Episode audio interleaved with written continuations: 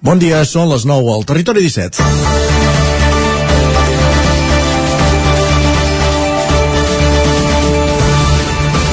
I ara, la llengua. La política lingüística a les escoles ha provocat l'infinitèssim desencontre entre Esquerra i Junts, i no dic l'últim perquè ningú m'assegura que des d'ahir al vespre fins ara no n'hi hagi hagut 10 més. Aquesta vegada, però, els dos partits de govern havien subscrit un acord per donar resposta a la sentència del TSJ que obliga a impartir el 25% de les classes a les escoles en castellà.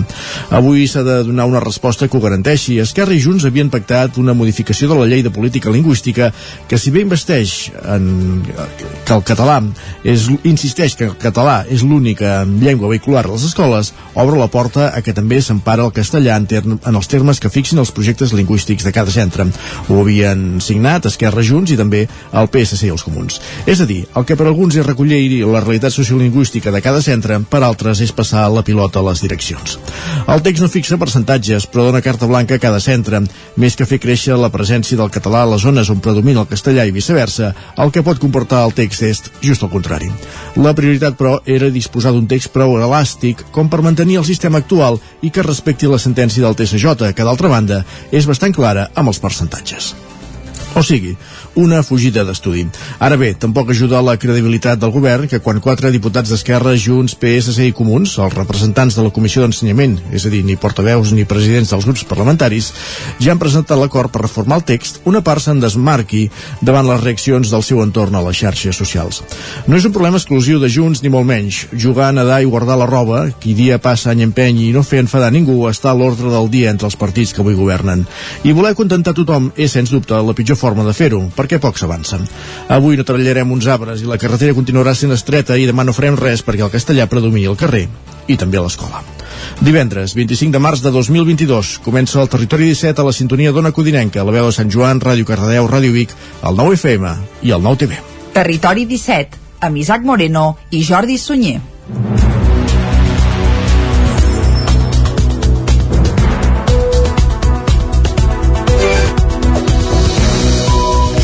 Passen dos minuts i mig de les 9 del matí d'avui divendres, dia 25 de març de 2022. Comença ara mateix un nou Territori 17 que avui, com sempre, durant la primera hora, us acostarà tota l'actualitat de les nostres comarques. Després, a partir de les 10, actualitzarem butlletí informatiu i tot seguit arribarà el moment de l'entrevista. Avui, Isaac, cap on? Avui anirem fins a Sant Feliu de Codines amb la Caral Campàs des d'una codinenca per parlar amb Xavier Bassas, que ha treballat tota la vida a l'empresa Sati de la Garriga i que per qüestions comercials ha viatjat molt a Ucraïna on hi ha fet amics i ha acollit ara a casa seva una d'aquestes persones que també havia muntat una empresa fins fa uns anys. Parlarem de la seva experiència, dels seus coneixements del país que està sent atacat des de fa ja un mes per part de Rússia. Doncs aquesta entrevista amb la mirada posada a Ucraïna arribarà cap a un quart d'onze, a dos quarts serà el moment de les piulades, tot seguit passarem per la taula de redacció i esports. Correcte. Abans d'arribar a les 11, repassarem l'agenda esportiva dels equips de les nostres comarques per aquest cap de setmana. A les 11, més informació i tot seguit música. Ens acompanyaran Jaume Espuny una setmana, un dia més, un divendres més, per presentar-nos una de les joies de la seva discoteca, repassant un clàssic musical, una de les peces, un dels discos que ha fet història al món de la música. Doncs descobrirem quin és, això, a les 11 tocades del matí. A dos quarts de 12 serà el moment de pujar a la R3, com cada dia, la Trenc d'Alba. Després parlarem de gastronomia, la foc lent, avui des d'on, Isaac? Avui anem fins a la veu de Sant Joan, perquè Gaspar Tarrida i David Sangles, de l'Aula d'Hostaleria del Ripollès, conversin amb Xavi Vidal, cuiner i un dels membres de la cooperativa de la Barricona, especialment de la relació entre el restaurant i els productors, que en aquest cas és en els dos sentits. Doncs coneixerem la història de, de, la, de la Barricona, un restaurant cooperativa. Molt bé, que està ubicat evidentment al Ripollès i acabarem com sempre els divendres amb l'agenda festiva i d'actes populars per un cap de setmana marcat sobretot pel Carnaval de terra endins, Isaac. Correcte, ja va començar, ha començat aquesta nit amb el Pollasso, avui continuem amb les senyoretes i, i els homenots, i demà és la Gran Rua. Fa fredat parlar de Carnaval amb, amb el març pràcticament avançat a tocar del mes d'abril, però ja recordem, recordem que es va endarrerir un mm -hmm. mes a causa de la situació pandèmica en el moment que s'havia de prendre la, la decisió de si la festa tirava endavant i quan. I aviam, meteorològicament, pel que fa a temperatures, al vespre sembla el febrer, eh? per tant tampoc hi ha gaires, gaires novetats en aquest sentit. Sí que hem de recordar, atenció, a Uh, canvi d'horari, eh? La nit de dissabte a diumenge a les dues seran les 3, per tant, qui vagi de festa de Carnaval i qui no també, doncs dormirà una hora menys a la nit de dissabte a diumenge. De fet, no dormiran els del Carnaval. En tot cas, aniran a dormir Bé, una hora més tard del que seria habitual. Per exemple, doncs va, i a les 8 del vespre encara serà de dia, això eh, diumenge. Fet aquest apunt de calendari i de rellotges, ara sí que el que ens toca és arrencar i ho farem com sempre, fent un repàs a l'actualitat de les nostres comarques. Ja ho sabeu, les comarques del Ripollès, Osona, el Moianès i el Vallès Oriental. Una actualitat que passa una actualitat que passa pel Ripollès perquè la consellera de Presidència, Laura Vilagrà, visita el Consell Comarcal del Ripollès per explicar el projecte dels Jocs Olímpics d'hivern 2030 als alcaldes i càrrecs electes. Isaac Muntades, des de la veu de Sant Joan. Aquest dimarts, la consellera de la Presidència, Laura Vilagrà, va visitar el Consell Comarcal del Ripollès per reunir-se amb els alcaldes i consellers comarcals per explicar-los les línies generals del projecte de candidatura perquè el Pirineu i Barcelona acollin els Jocs Olímpics i Paralímpics d'hivern de l'any 2030 en el marc del procés de participació que organitza organitza la Generalitat de Catalunya sobre aquest afer. En la introducció de la reunió, el president del Consell, Joaquim Colomer, va posar en relleu el paper del Ripollès en la història dels esports d'hivern de Catalunya com a territori on es van dur a terme les primeres competicions. Així mateix va reformar el caràcter pirinenc de la comarca i la importància que se la prengui en consideració en aquesta efemèride. Per la seva banda, la consellera va explicar que el projecte en què es treballa vol ser sostenible i no preveu construir grans infraestructures, però es posaran al dia aquelles que hi estiguin més vinculades. De fet, segons sembla, Vilagrà va prometre que no es construirà cap nou hotel i que les viles olímpiques seran petites i transformades en habitatges socials. En tot cas, s'evitaran infraestructures que podrien quedar en desús un cop finalitzats els Jocs. Tot i que amb el COI s'estan buscant els millors espais que compleixen els requisits a cada territori, va explicar que les proves d'esquí de fons es donaran a terme a l'Aragó, les que requereixin grans infraestructures com trampolins, skeleton o bobsleigh a una seu d'un altre país europeu, les d'esquí alpí es farien a Catalunya i les proves de gel com l'hoquei, el patinatge de velocitat, l'artístic i el curling es farien previsiblement a Barcelona, Jaca i Saragossa. La consellera va dir que es vol que un projecte d'aquestes característiques es consensui amb el territori afectat. Per això ha explicat que es faria una consulta als ciutadans residents de la vegueria de l'Alt Pirineu i l'Aran. I de l'altra s'emprendrà un procés de participació en què també s'interpel·larà el Ripollès, el Berguedà i el Solsonès, tot i que Vilagrà va deixar la porta oberta a incloure el Ripollès dins de la consulta ciutadana després de les aportacions dels electes ripollesos. De totes maneres, la consellera hauria detallat minuciosament les dificultats jurídiques per realitzar la consulta a la ciutadania perquè no sigui impugnada, ja que no tenen una llei prou desenvolupada vegada i en fer-ho per la vegueria de l'Alt Pirineu hi ha més garanties que prosperi. Els alcaldes van lamentar que s'haguessin obviat criteris com els geogràfics o la veterania en els esports d'hivern. També es va copsar una certa inquietud de si l'organització dels Jocs es traduirà en inversions per millorar aspectes com les infraestructures viàries, la connectivitat en fibra òptica i el parc d'habitatge social, tot plegat amb el focus posat en l'arrelament al territori i per frenar el despoblament. A la reunió també van prendre hi part Anna Caula, secretari general de l'Esport i de l'Activitat Física, David Rodríguez, secretari de Governs Locals i de Relacions amb l'Aran, Jesús Fierro, director general de Polítiques de Muntanya i del Litoral, Maria Josep Porta de la Fuente, directora dels Serveis Territorials de la Presidència a Girona, i Mònica Bosch, coordinadora del projecte Olímpic Pirineus Barcelona 2030. Passem pàgina més qüestions, gràcies Isaac. El Sindicat Unió de Pagesos denuncia que el sector de les granges de conills està produint un 20% per sota del preu de cost. L'increment del preu del pinso pel conflicte d'Ucraïna i dels costos energètics fan, fan que el sector passi per un moment delicat. Segons Unió de Pagesos, els productors cobren actualment el quilo de carn de conill a 2 euros i 15 cèntims, una quantitat que ha variat poc els últims anys. Els costos, en canvi, no han deixat de pujar. Ho detalla el lluçanenc Albert Puig, que és el responsable del sector de conills d'Unió de Pagesos mesos. Que en qüestió de 4 mesos ens ha pujat el cost de producció d'un 33% en el que és cost de pinso, que és l'alimentació, i amb un 120% amb costos d'electricitat. De, Uh, clar, estem produint sota pèrdues. A tot plegat cal afegir-hi que les granges de conills a Catalunya s'han reduït entre un 19 i un 24% en només 5 anys. Albert Puig fa sis anys érem el principal productor de l'estat espanyol i ara som el tercer. Clar, eh, si fa 3-4 anys que produïm eh, per sota costos o molt, eh, molt ajustat de cost no pots fer reinversions. Eh, el, clar, eh, tenim un sector envellit que no té ningú que, vagi, que, que vulgui dedicar-se a cuidar conills. Catalunya, a més, continua sent un dels principals consumidors mundials de carn de conill. Per sobreviure, doncs, el sector reclama ajuts puntuals, però també canvis estructurals. I continuem parlant de pagesia, pagesia exòtica, podríem arribar a dir, per conèixer ara el jove pagès Albert Espadamala, de Torelló. El seu cas és ben curiós. A la seva granja només hi té animals negres. N'hi ha de tot tipus i encara en voldria incorporar algun més. Tot plegat forma part d'un projecte per tirar endavant una granja d'autoconsum recuperant maneres de fer típiques de pagès que s'han perdut amb el pas dels anys, com la matança del porc o el rebost centenari tots els animals de color negre. Aquesta és la característica comuna dels més de 30 exemplars que Albert Espadamala té a Espadamala de Baix, la seva finca situada en terme municipal de Torelló. En total són unes aus, bé, i animals de nou espècies diferents. Té vaques, ovelles, un cavall, gall d'indi, ànecs, gallines, conills, conills porquins o porcs, també, entre d'altres. Aquesta fixació pels exemplars de color negre és un estímul que s'emmarca dins el projecte personal i vital de tirar endavant una granja d'autoconsum consum, on poder recuperar aquelles pràctiques que es feien antigament a pagès quan hi havia l'avi i el pare i que s'han anat perdent amb el pas dels anys. Escoltem Albert Espadamala. La idea és recuperar el que sempre hi ha hagut aquí a casa, en els seus orígens, que és uh, tenir animals de, de tot tipus i poder-ne gaudir de, del, pel consum propi per la família. Uh, després de que siguin negres o no és més un tema estètic uh, que volia donar-li un diferencial que em motivés i, bueno, i en aquest cas és el negre. L'interès de l'Albert Espadamala és seguir ampliant la família d'animals negres i compta en tenir aviat, cabres i també, atenció, un toro angus. El projecte de granja d'autoconsum i amb animals únicament de color negre ha comptat necessàriament amb la implicació d'altres pagesos i ramaders.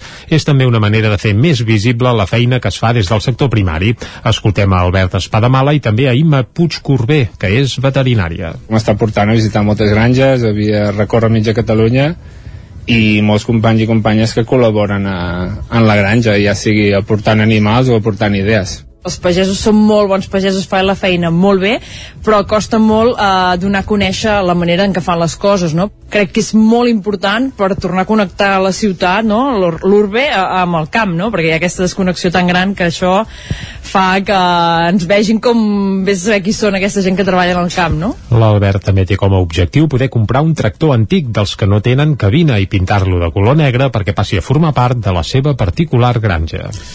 Més qüestions i anem de Trolló cap a cap a, cap a Caldes. Cap a Caldes de Montbui. Cap al Vallès sí. Oriental, que Arac Verd apunta possibles delictes urbanístics als casos d'irregularitats urbanístiques del polígon La Borda, com dèiem, de Caldes de Montbui. Que era el campàs des d'Ona Codinenca.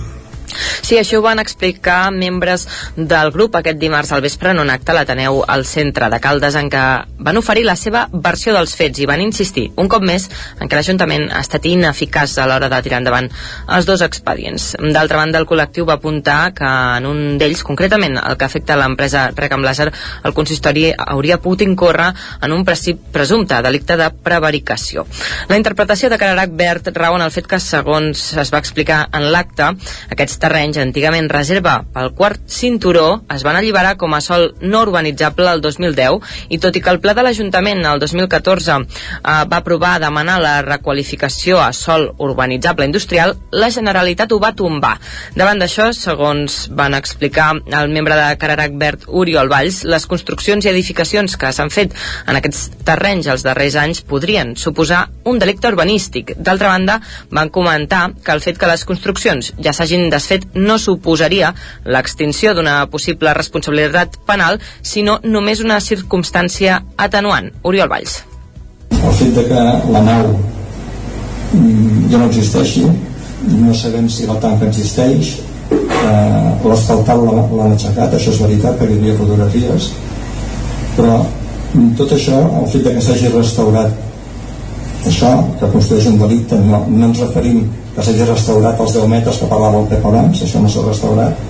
Però en tot cas, si aquestes construccions que podien constituir aquest delicte urbanístic s'han eliminat eh, això no eximiria de que hi hagués responsabilitat penal. Dir, perquè en tot cas seria una circumstància només atenuant i no pas eh, eximiria del, de l'existència del, del delicte D'altra banda, Valls va apuntar també a un presumpte delicte de prevaricació per part del consistori en el mateix cas dels terrenys de rec amb làser. L'expedient obligava a restaurar la realitat física que s'havia alterat dels terrenys i, segons el que va explicar Valls, això no s'ha fet perquè s'ha elevat el terreny 10 metres amb abocaments de terres.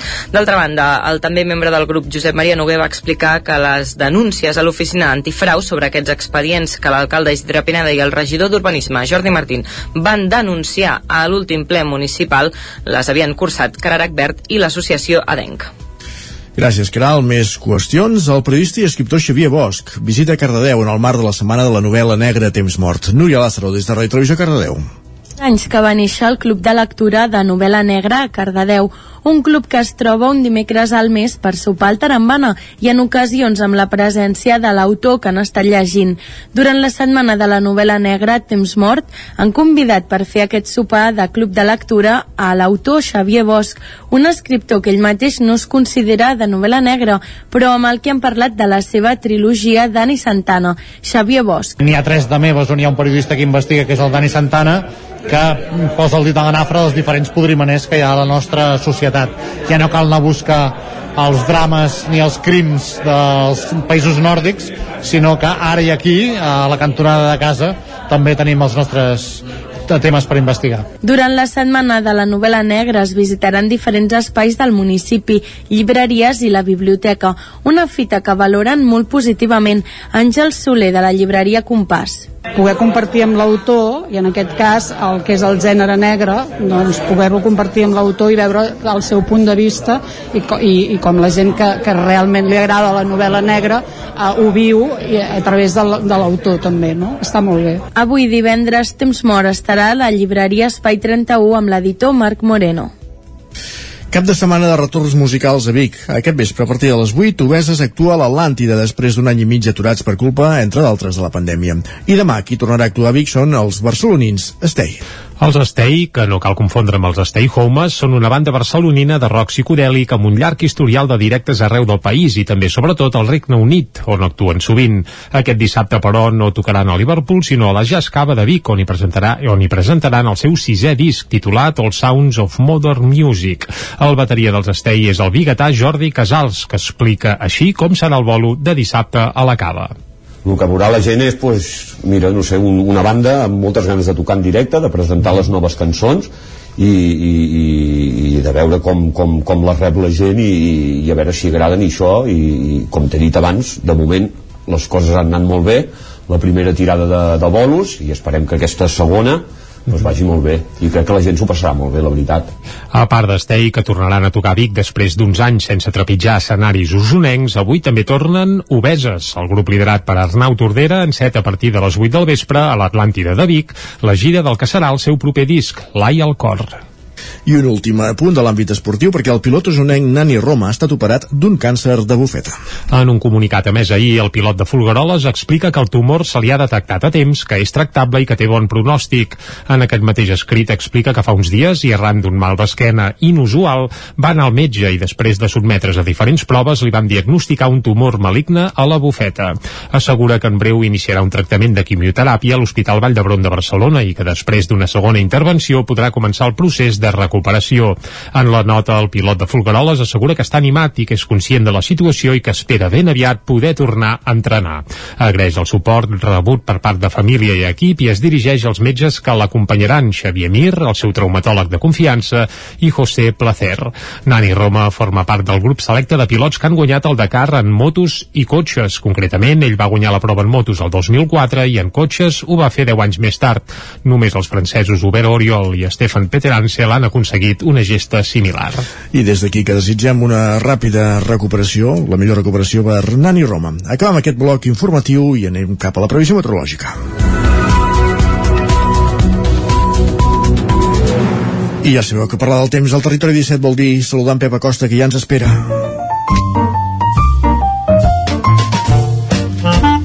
Casa Terradellos us ofereix el temps. I a les portes del cap de setmana el temps és més important que mai, sobretot pels que hem de fer moltes activitats. Va, Pep, bon dia. Hola, I molt bona hora. Salut, salut. Benvingut a Informació Meteorològica. Gràcies. Avui divendres sempre més important de cara al cap de setmana. I tant, ja ho dèiem. Primer, a més, cap de setmana de, de primavera sencer i a més eh, important perquè tenim el canvi d'horari demà a la matinada a les 3 seran el, perdó, les dues seran les 3 perdó, Ara, perdó, ara. perdó, eh Sí, sí, sí. dormirem una hora menys sí, sí. a les dues seran les 3 per tant el diumenge a la tarda a les 8 del vespre encara serà clar, eh? Que quedi clar, que quedi clar. A les dues seran les 3, que no hi hagi confusió. Això és demà a la matinada. Dit això, la temperatura ja ha pujat. Les mimes no són tan baixes, hi ha una pujada de les temperatures que es nota, eh, poques glaçades al Pirineu, temperatures per sobre els 5 graus a la majoria de, de poblacions, per tant la temperatura ha pujat. Dir també que avui tindrem més estones de sol, sobretot a primera part del dia. Eh, de cara a la tarda més núvols, però la primera part del dia farà més sol. Això farà pujar les temperatures màximes entre els 15 i els 17 graus. I de cara a demà dissabte tornarà la inestabilitat, però eh, de forma moderada. Hi haurà molts núvols, poques precipitacions. I diumenge torna el sol.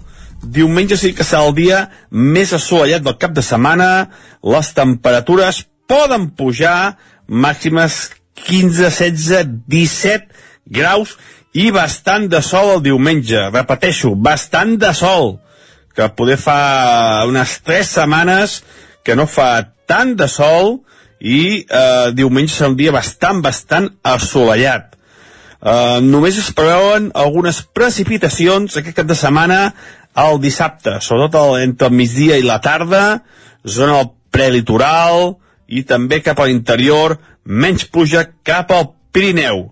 Però insisteixo, serà un cap de setmana eh, bastant, bastant assolellat, sobretot avui i diumenge, però com deia, com deia, com deia, dissabte encara inestabilitat. Uh, molts núvols i quatre gotes. Les temperatures mínimes tot cap de setmana molt semblants, uh, molt semblants a les d'avui, uh, per sobre els 5 graus a les ciutats, pobles, només per sota d'aquests 5 graus a les parts més altes del Pirineu. I les màximes una mica més altes. Uh, per fi es passen d'aquests 15 graus a la majoria de les poblacions, uns 15 graus que feia dies que no solíem i que és una cosa uh, ja bastant insòlita per a finals de, de març. Uh, pujarà la temperatura aquest cap de setmana. Moltes gràcies, adeu, bon dia.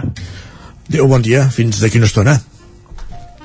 Exacte. Tanquem aquí el bloc meteorològic i anem al quiosc, Isaac. Som-hi ràpidament. Va, vinga. Casa Tarradellas us ha ofert aquest espai. Moment de conèixer les portades dels diaris del dia i avui, que és divendres, començant per les del 9-9, Jordi. i arrenquem pel 9-9 d'Osona i el Ripollès que titula la meitat dels ajuntaments d'Osona tenen el servei d'aigua municipalitzat. A la pràctica, però, això equival només al 25% dels habitants, sobretot per la gestió privada que hi ha a Vic i a Manlleu. Això s'apunta al subtítol d'aquest titular. La fotografia principal és pel Pollasso de Torelló. Carai. Torna la disbauxa del Carnaval. Uh, ahir a la nit es va viure uh, una nova jornada gairebé prepandèmica de Carnaval, en aquest cas a Torelló, que seguirà, ja ho hem dit abans, tant avui com demà amb la Gran Rua de Carnaval. Més eh, informacions. El director general de la Universitat de Vic plegarà un any abans que acabi el mandat del patronat i la colònia de gavians de Vic s'estabilitza. Hi ha moltes gavines últimament per Vic, però sembla que s'ha estabilitzat allò entre 400 i 500 exemplars la colònia que ara mateix estaria vivint a Vic. No són pas pocs. No, molts. I ja et dic jo que fan unes cagarades que si et cauen al cotxe el deixen... De color oliva. Sí, bé, deixa'ls anar. No fan cagarades de pardal, precisament. Anem al 9-9 del Vallès Oriental. Titular principal, Mayoral plega d'alcalde. Josep Mayoral comunicarà aquest divendres a la militància socialista de Granollers que no esgotarà el seu mandat. A l'Assemblea Local del PSC, la primera tinent d'alcalde, Alba Bernocell, serà l'única candidata a substituir-lo al capdavant de l'Ajuntament. Uh, aquest canvi que sembla que es faria, entre cometes, oficial avui mateix, però que el 9-9 doncs, ja l'avança. També la motiu adeu a en Vicenç. Centenars de persones acomiaden Vicenç Saez de Tejada, activista social i cultural de Granollers, mort de forma sobtada als 62 dos anys aquest passat dilluns. Ja ho vam informar també aquí a Territori 17. I també a la portada s'apunta acord per cobrir 400 metres de vies de tren a Granollers, un acord que es va presentar aquesta setmana uh, mateix entre l'Ajuntament de Granollers i Adif. Anem a les portades que s'editen des de l'àmbit nacional. Comencem pel punt avui, que titula Castellà per llei. Aquest és el titular principal del punt avui, pacte per elevar el castellà a llengua d'aprenentatge escolar. El català seguirà sent vehicular, però segons el projecte lingüístic de cada centre. Uh, per tant, bé, seria en Carta aquest sentit blanca. carta blanca, sí, i clar, cadascú que espavili i bé. Ai, ja ens ho trobarem prou. També, amb un raconet, Londres rebutja la immunitat del rei emèrit, és a dir, que el Regne Unit se'l podria jutjar perquè no té immunitat. Més portades. Deixem el punt avui, anem cap a cap a l'ara, que diuen la Unió Europea, l'OTAN i el G7 es coordinen per frenar Putin. Aquest és el titular principal i a la fotografia s'hi veu a Macron, president de França, i Joe Biden en una actitud distesa, allò d'amics, i també Junts per Catalunya firma el pacte unitari pel català a l'escola i demana refer-lo hores després. Devien fer alguna trucadeta, vés a saber on, ja t'ho pots imaginar, els hi va dir tu, què esteu fent? Que això no, això no ho podem firmar. El periodista Ferran Casas piulava i al vespre Twitter ha fet la seva màgia. No sé si va ser una trucada o va ser només Twitter, però déu nhi sí. Mm, Bé, doncs ja, ja, ja es veurà. Això és el que apareix a la portada de l'Ara. Anem a la portada del periòdico. L'OTAN preparada pel pitjor. L'Aliança activa plans de defensa davant d'atacs químics i nuclears i insta la Xina a que s'abstingui de donar qualsevol tipus d'ajuda a la Xina. A la fotografia també es veu Biden i Macron i eh, també el transport esgota els terminis per acabar amb la vaga. Sembla que ahir finalment cap a les dues de la matinada hi va haver un principi d'acord, però recordem que aquest acord es va fer sense la principal eh, organització que convoca precisament les mobilitzacions i les vagues, que és molt minoritària, també cal dir-ho. I, però està fent feina, sí, sí. I tant, i tant. Amb un raconet del periòdico també. La justícia anglesa considera que es pot jutjar a Juan Carlos. Per tant, aquí avisa, no és traïdor. La Vanguardia, Sánchez demanarà a la Unió Europea una solució per rebaixar la llum a Espanya i Portugal. El president redueix les seves pretensions i defensarà que la península és una illa energètica poc connectada. Ara pla. Fem ara una petita pausa i tornem d'aquí 3 minuts amb més actualitat al territori 17. El nou FM, la ràdio de casa, al 92.8. La vida i la naturalesa han portat Ernest Gingó a crear el seu primer disc i tu el pots ajudar a fer-lo realitat. Busca Seguint la Natura a la pàgina web Verkami i podràs fer la teva aportació econòmica a canvi del disc i d'alguns instruments artesanals que ha construït amb el seu pare, fuster de professió. Ajuda l'Ernest Gingó a fer realitat aquest primer disc que fa un viatge musical per la connexió amb la naturalesa. I un sentiment això és el que s'escolta al voltant d'una caldera saunia d'Oval.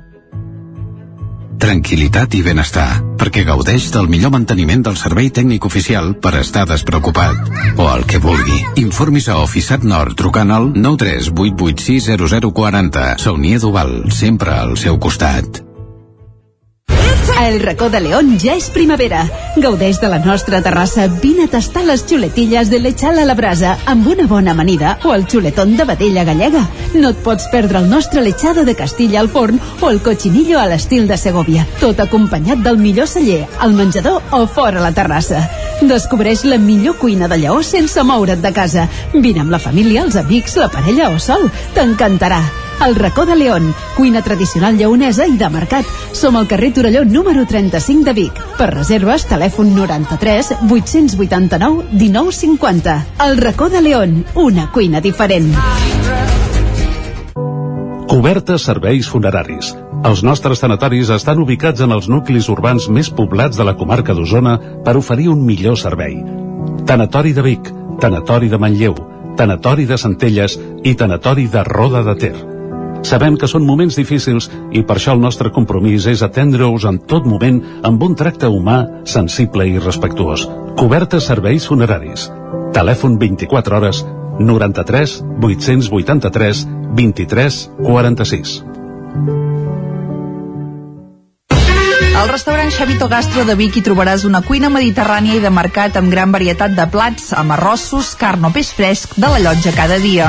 Vine a dinar de dimarts a divendres i prova el nostre menú diari per només 15 euros o a les nits de dijous a diumenge tastar el nostre menú degustació amb arrossos i tapes per 25 euros. Restaurant Xamito Gastro. Ens trobaràs al carrer Callnou número 9 de Vic i al telèfon 93 094 1172 o al 747 42 92 58. Anuncia't al 9FM. La màquina de casa. 9 3 8 8 9 4 9 4 9. Publicitat arroba al 9FM.cat. Anuncia't al 9FM. La publicitat més eficaç. El 9 FM, el 9 FM, el 9 FM, el 9 FM, el 9 FM. Ara mateix en punt, són dos quarts de deu al territori 17. Territori 17, amb Isaac Moreno i Jordi Sunyer.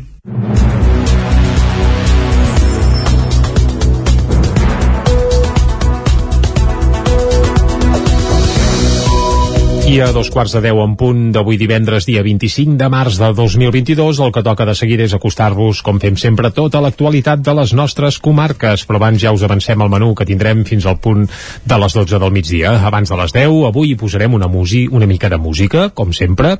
Avui d'un grup que torna per celebrar, doncs això, que tornen obeses, un dels nostres, o, meu, o menys meus, eh, grups de capçalera, doncs ho celebrarem escoltant una de les peces, o un fragment d'una de les peces del seu darrer disc. Molt bé. Més coses. A les 10 actualitzarem butllet informatiu i a l'entrevista posarem la mirada cap a Ucraïna, oi? Exacte, parlarem amb un veí de Sant Feliu de Codines, en Xavier Bassas, en companyia de la Caral Campàs, des d'una codinenca, òbviament. Uh, Xavier Bassas, que ha treballat tota la vida a l'empresa Sati de la Garriga i per qüestions comercials ha viatjat molt a Ucraïna, allà hi ha fet amics i fins i tot ha acollit a casa seva fins fa poc una d'aquestes persones amb qui també havia muntat una empresa fa uns anys. Parlarem dels seus coneixements sobre aquest país assetjat des de fa un mes per Rússia, avui, com dèiem a l'entrevista. A dos quarts d'onze, piulades, portades del 99.cat, taula de redacció i tot seguit, agenda esportiva. Repassarem quins són els compromisos pel cap de setmana dels equips i esportistes del territori i 17 just abans de les 11. A les 11 arribaran més notícies, més informació i tot seguit música d'aquella que ha fet història. Amb Jaume Espuny, que ens portarà un dels seus clàssics musicals i l'escoltarem en deteniment aquí al Territori 17. A dos quarts de 12, tocats, arribarà el moment de pujar al tren, a la Trenc d'Alba, com cada dia, amb la gent de la veu de Sant Joan, i tot seguit és divendres, vol dir que tocarà parlar de gastronomia. I ho farem amb els responsables de la cooperativa La Barricona, és una cooperativa restaurant de, de Ripoll, i ho farà qui, de fet, qui conversarà amb ells seran en Gaspar Tarrida i en David Sangles com cada un cop al mes des de l'aula d'hostaleria del Ripollès i des de la veu de Sant Joan. I acabarem, com fem sempre els divendres, repassant l'agenda festiva i d'actes populars per un cap de setmana marcat sobretot pel Carnaval. Correcte, i ara el que toca, com deies, és actualitzar-nos. Exacte, i això ho farem. Això ho farem repassant, com sempre, l'actualitat de casa nostra. Ja ho sabeu, l'actualitat de les comarques del Ripollès, Osona, el Moianès i el Vallès Oriental. Una actualitat que passa pel Ripollès perquè la consellera de Presidència, Laura Vilagrà, visita el Consell Comarcal del Ripollès per explicar el projecte dels Jocs Olímpics d'hivern 2030 als alcaldes i càrrecs electes. Isaac Muntades, des de la veu de Sant Joan. Aquest dimarts, la consellera de la presidència, Laura Vilagrà, va visitar el Consell Comarcal del Ripollès per reunir-se amb els alcaldes i consellers comarcals per explicar-los les línies generals del projecte de candidatura perquè el Pirineu i Barcelona acollin els Jocs Olímpics i Paralímpics d'hivern de l'any 2030 en el marc del procés de participació que organitza la Generalitat de Catalunya sobre aquest afer. En la introducció de la reunió, el president del Consell, Joaquim Colomer, va posar en relleu el paper del Ripollès en la història dels esports d'hivern de Catalunya com a territori on es van dur a terme les primeres competicions. Així mateix va reformar el caràcter pirinenc de la comarca i la importància que se la prengui en consideració en aquesta efemèride. Per la seva banda, la consellera va explicar que el projecte en què es treballa vol ser sostenible i no preveu construir grans infraestructures, però es posaran al dia aquelles que hi estiguin més vinculades. De fet, segons sembla, Vilagrà va prometre que no es construirà cap nou hotel i que les viles olímpiques seran petites i transformades en habitatges socials. En tot cas, s'evitaran infraestructures que podrien quedar en desús un cop finalitzats els jocs. Tot i que amb el COI s'estan buscant els millors espais que compleixen els requisits a cada territori, va explicar que les proves d'esquí de fons es donaran a terme a l'Aragó, les que requereixin grans infraestructures com trampolins, skeleton o bobsleigh a una seu d'un altre país europeu, les d'esquí alpí es farien a Catalunya i les proves de gel com l'hoquei, el patinatge de velocitat, l'artístic i el curling es farien previsiblement a Barcelona, Jaca i Saragossa Saragossa. La consellera va dir que es vol que un projecte d'aquestes característiques es consensuï amb el territori afectat. Per això ha explicat que es faria una consulta als ciutadans residents de la vegueria de l'Alt Pirineu i l'Aran. I de l'altra s'emprendrà un procés de participació en què també s'interpel·larà el Ripollès, el Berguedà i el Solsonès, tot i que Vilagrà va deixar la porta oberta a incloure el Ripollès dins de la consulta ciutadana després de les aportacions dels electes ripollesos. De totes maneres, la consellera hauria detallat minuciosament les dificultats jurídiques per realitzar la consulta a la ciutadania perquè no sigui impugnada, ja que no tenen una llei prou desenvolupada i en fer-ho per la vegueria de l'Alt Pirineu hi ha més garanties que prosperi. Els alcaldes van lamentar que s'haguessin obviat criteris com els geogràfics o la veterania en els esports d'hivern. També es va copsar una certa inquietud de si l'organització dels Jocs es traduirà en inversions per millorar aspectes com les infraestructures viàries, la connectivitat en fibra òptica i el parc d'habitatge social, tot plegat amb el focus posat en l'arrelament al territori i per frenar el despoblament. A la reunió també van prendre-hi part Anna Caula, secretari general de l'Esport i de l'Activitat Física, David Rodríguez, secretari de Governs Locals i de Relacions amb l'Aran, Jesús Fierro, director general de Polítiques de Muntanya i del Litoral, Maria Josep Porta de la Fuente, directora dels Serveis Territorials de la Presidència de Girona, i Mònica Bosch, coordinadora del projecte Olímpic Pirineus Barcelona 2030. Passem pàgina més qüestions, gràcies Isaac. El Sindicat Unió de Pagesos denuncia que el sector de les granges de conills està produint un 20% per sota del preu de cost. L'increment del preu del pinso pel conflicte d'Ucraïna i dels costos energètics fan, fan que el sector passi per un moment delicat. Segons Unió de Pagesos, els productors cobren actualment el quilo de carn de conill a 2 euros i 15 cèntims, una quantitat que ha variat poc els últims anys. Els costos, en canvi, no han deixat de pujar. Ho detalla el lluçanenc Albert Puig, que és el responsable del sector de conills d'Unió de Pagesos pagesos. que en qüestió de 4 mesos ens ha pujat el cost de producció d'un 33% en el que és cost de pinso, que és l'alimentació, i amb un 120% amb costos d'electricitat. De, Uh, clar, estem produint sota pèrdues. A tot plegat cal afegir-hi que les granges de conills a Catalunya s'han reduït entre un 19 i un 24% en només 5 anys. Albert Puig fa sis anys érem el principal productor de l'estat espanyol i ara som el tercer. Clar, eh, si fa 3-4 anys que produïm eh, per sota costos o molt, eh, molt ajustat de cost no pots fer reinversions. Eh, el, clar, eh, tenim un sector envellit que no té ningú que, vagi, que, que vulgui dedicar-se a cuidar conills. Catalunya, a més, continua sent un dels principals consumidors mundials de carn de conill. Per sobreviure, doncs, el sector reclama ajuts puntuals, però també canvis estructurals. I continuem parlant de pagesia, pagesia exòtica, podríem arribar a dir, per conèixer ara el jove pagès Albert Espadamala, de Torelló. El seu cas és ben curiós. A la seva granja només hi té animals negres. N'hi ha de tot tipus i encara en voldria incorporar algun més. Tot plegat forma part d'un projecte per tirar endavant una granja d'autoconsum recuperant maneres de fer típiques de pagès que s'han perdut amb el pas dels anys, com la matança del porc o el rebost centenari. Tots els animals de color negre. Aquesta és la característica comuna dels més de 30 exemplars que Albert Espadamala té a Espadamala de Baix, la seva finca situada en terme municipal de Torelló. En total són unes aus, bé, i animals de nou espècies diferents. Té vaques, ovelles, un cavall, gall d'indi, ànecs, gallines, conills, conills porquins o porcs, també, entre d'altres. Aquesta fixació pels exemplars de color negre és un estímul que s'emmarca dins el projecte personal i vital de tirar endavant una granja d'autoconsum on poder recuperar aquelles pràctiques que es feien antigament a pagès quan hi havia l'avi i el pare i que s'han anat perdent amb el pas dels anys. Escoltem Albert Espadamala. La idea és recuperar el que sempre hi ha hagut aquí a casa, en els seus orígens, que és eh, tenir animals de, de tot tipus i poder-ne gaudir de, del, pel consum propi per la família. Uh, després de que siguin negres o no és més un tema estètic uh, que volia donar-li un diferencial que em motivés i bueno, i en aquest cas és el negre L'interès de l'Albert Espadamala és seguir ampliant la família d'animals negres i compta en tenir aviat, cabres i també, atenció, un toro angus. El projecte de granja d'autoconsum i amb animals únicament de color negre ha comptat necessàriament amb la implicació d'altres pagesos i ramaders. És també una manera de fer més visible la feina que es fa des del sector primari.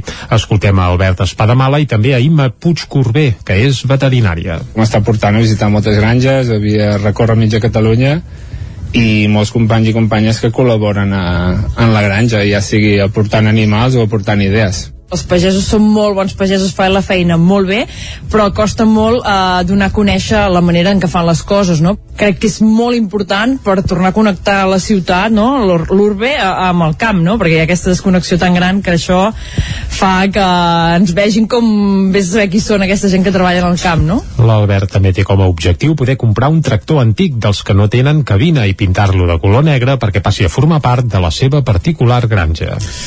Més qüestions i anem de Trolló cap a cap a, cap a Caldes. Cap a Caldes de Montbui. Cap al sí. Vallès Oriental, que Arac Verd apunta possibles delictes urbanístics als casos d'irregularitats urbanístiques del polígon a borda, com dèiem, de Caldes de Montbui. Que era el campàs des d'una codinenca. Sí, això ho van explicar membres del grup aquest dimarts al vespre en un acte a l'Ateneu al centre de Caldes en què van oferir la seva versió dels fets i van insistir un cop més en què l'Ajuntament ha estat ineficaç a l'hora de tirar endavant els dos expedients. D'altra banda, el col·lectiu va apuntar que en un d'ells, concretament el que afecta l'empresa Recam Laser, el consistori hauria pogut incórrer en un presumpte delicte de prevaricació. La interpretació de Cararac Verd rau en el fet que, segons es va explicar en l'acte, aquests terrenys antigament reserva pel quart cinturó es van alliberar com a sol no urbanitzable el 2010 i tot i que el pla de l'Ajuntament el 2014 eh, va aprovar demanar la requalificació a sol urbanitzable industrial, la Generalitat ho va tombar. Davant d'això, segons van explicar el membre de Cararac Verd, Oriol Valls, les construccions i edificacions que s'han fet en aquests terrenys els darrers anys podrien suposar un delicte urbanístic. D'altra banda, van comentar que el fet que les construccions ja s'hagin desfet fet no suposaria l'extinció d'una possible responsabilitat penal, sinó només una circumstància atenuant. Oriol Valls. El fet de que la nau mm, ja no existeixi, no sabem si la tanca existeix, eh, l'asfaltat l'han aixecat, això és veritat, perquè hi havia fotografies, però tot això, el fet de que s'hagi restaurat això, que constitueix un delicte, no, no ens referim que s'hagi restaurat els 10 metres que parlava el Pep abans, això no s'ha restaurat, però en tot cas, si aquestes construccions que podien constituir aquest delicte urbanístic s'han eliminat, eh, això no ens dimiria de que hi hagués responsabilitat penal, vull dir, perquè en tot cas seria una circumstància només atenuant i no pas eh, eximiria del, de l'existència del, del delicte. D'altra banda, Valls va apuntar també a un presumpte delicte de prevaricació per part del consistori en el mateix cas dels terrenys de Recam Laser. L'expedient obligava a restaurar la realitat física que s'havia alterat dels terrenys i, segons el que va explicar Valls, això no s'ha fet perquè s'ha elevat el terreny 10 metres amb abocaments de terres. D'altra banda, el també membre del grup Josep Maria Noguer va explicar que les denúncies a l'oficina antifrau sobre aquests expedients que l'alcalde Isidre Pineda i el regidor d'Urbanisme, Jordi Martín, van denunciar a l'últim ple municipal les havien cursat Cararac Verd i l'associació Adenc. Gràcies, Caral. Més qüestions. El periodista i escriptor Xavier Bosch visita Cardedeu en el marc de la setmana de la novel·la negra Temps Mort. Núria Lázaro, des de Ràdio Televisió Cardedeu anys que va néixer el Club de Lectura de Novel·la Negra a Cardedeu, un club que es troba un dimecres al mes per sopar al Tarambana i en ocasions amb la presència de l'autor que han estat llegint. Durant la setmana de la novel·la negra Temps Mort han convidat per fer aquest sopar de Club de Lectura a l'autor Xavier Bosch, un escriptor que ell mateix no es considera de novel·la negra, però amb el que han parlat de la seva trilogia Dani Santana. Xavier Bosch. N'hi ha tres de meves on hi ha un periodista que investiga, que és el Dani Santana, que posa el dit a la nafra dels diferents podrimaners que hi ha a la nostra societat. Ja no cal anar a buscar els drames ni els crims dels països nòrdics, sinó que ara i aquí, a la cantonada de casa, també tenim els nostres temes per investigar. Durant la setmana de la novel·la negra es visitaran diferents espais del municipi, llibreries i la biblioteca, una fita que valoren molt positivament Àngel Soler de la llibreria Compàs. Poder compartir amb l'autor, i en aquest cas el que és el gènere negre, doncs poder-lo compartir amb l'autor i veure el seu punt de vista i, i, i com la gent que, que realment li agrada la novel·la negra uh, ho viu i, a través de l'autor també, no? Està molt bé. Avui divendres Temps Mort estarà a la llibreria Espai 31 amb l'editor Marc Moreno. Cap de setmana de retorns musicals a Vic. Aquest vespre, a partir de les 8, Obeses actua a l'Atlàntida després d'un any i mig aturats per culpa, entre d'altres, de la pandèmia. I demà, qui tornarà a actuar a Vic són els barcelonins Estei.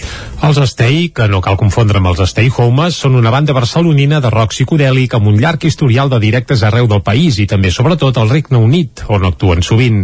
Aquest dissabte, però, no tocaran a Liverpool, sinó a la Jazz Cava de Vic, on hi, presentarà, on hi presentaran el seu sisè disc, titulat All Sounds of Modern Music.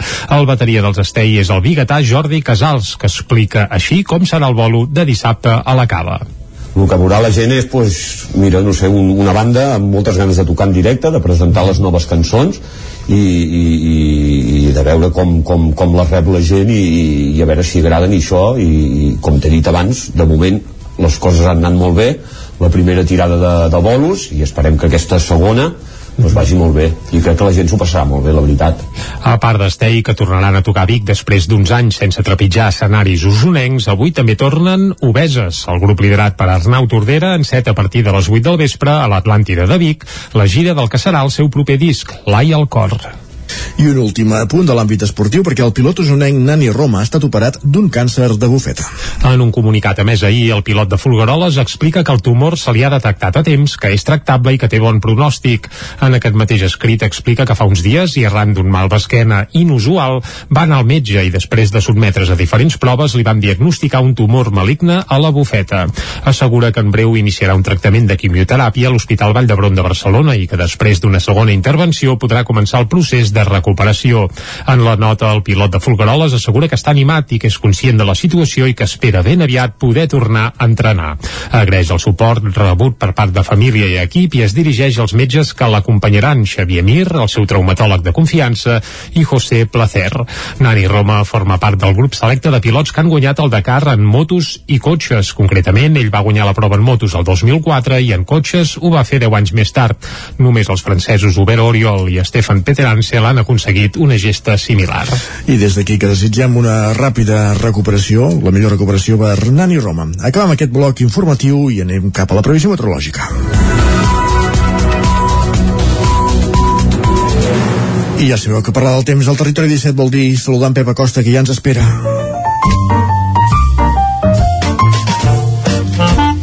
Casa Terradellos us ofereix el temps. I a les portes del cap de setmana el temps és més important que mai, sobretot pels que hem de fer moltes activitats. Va, Pep, bon dia.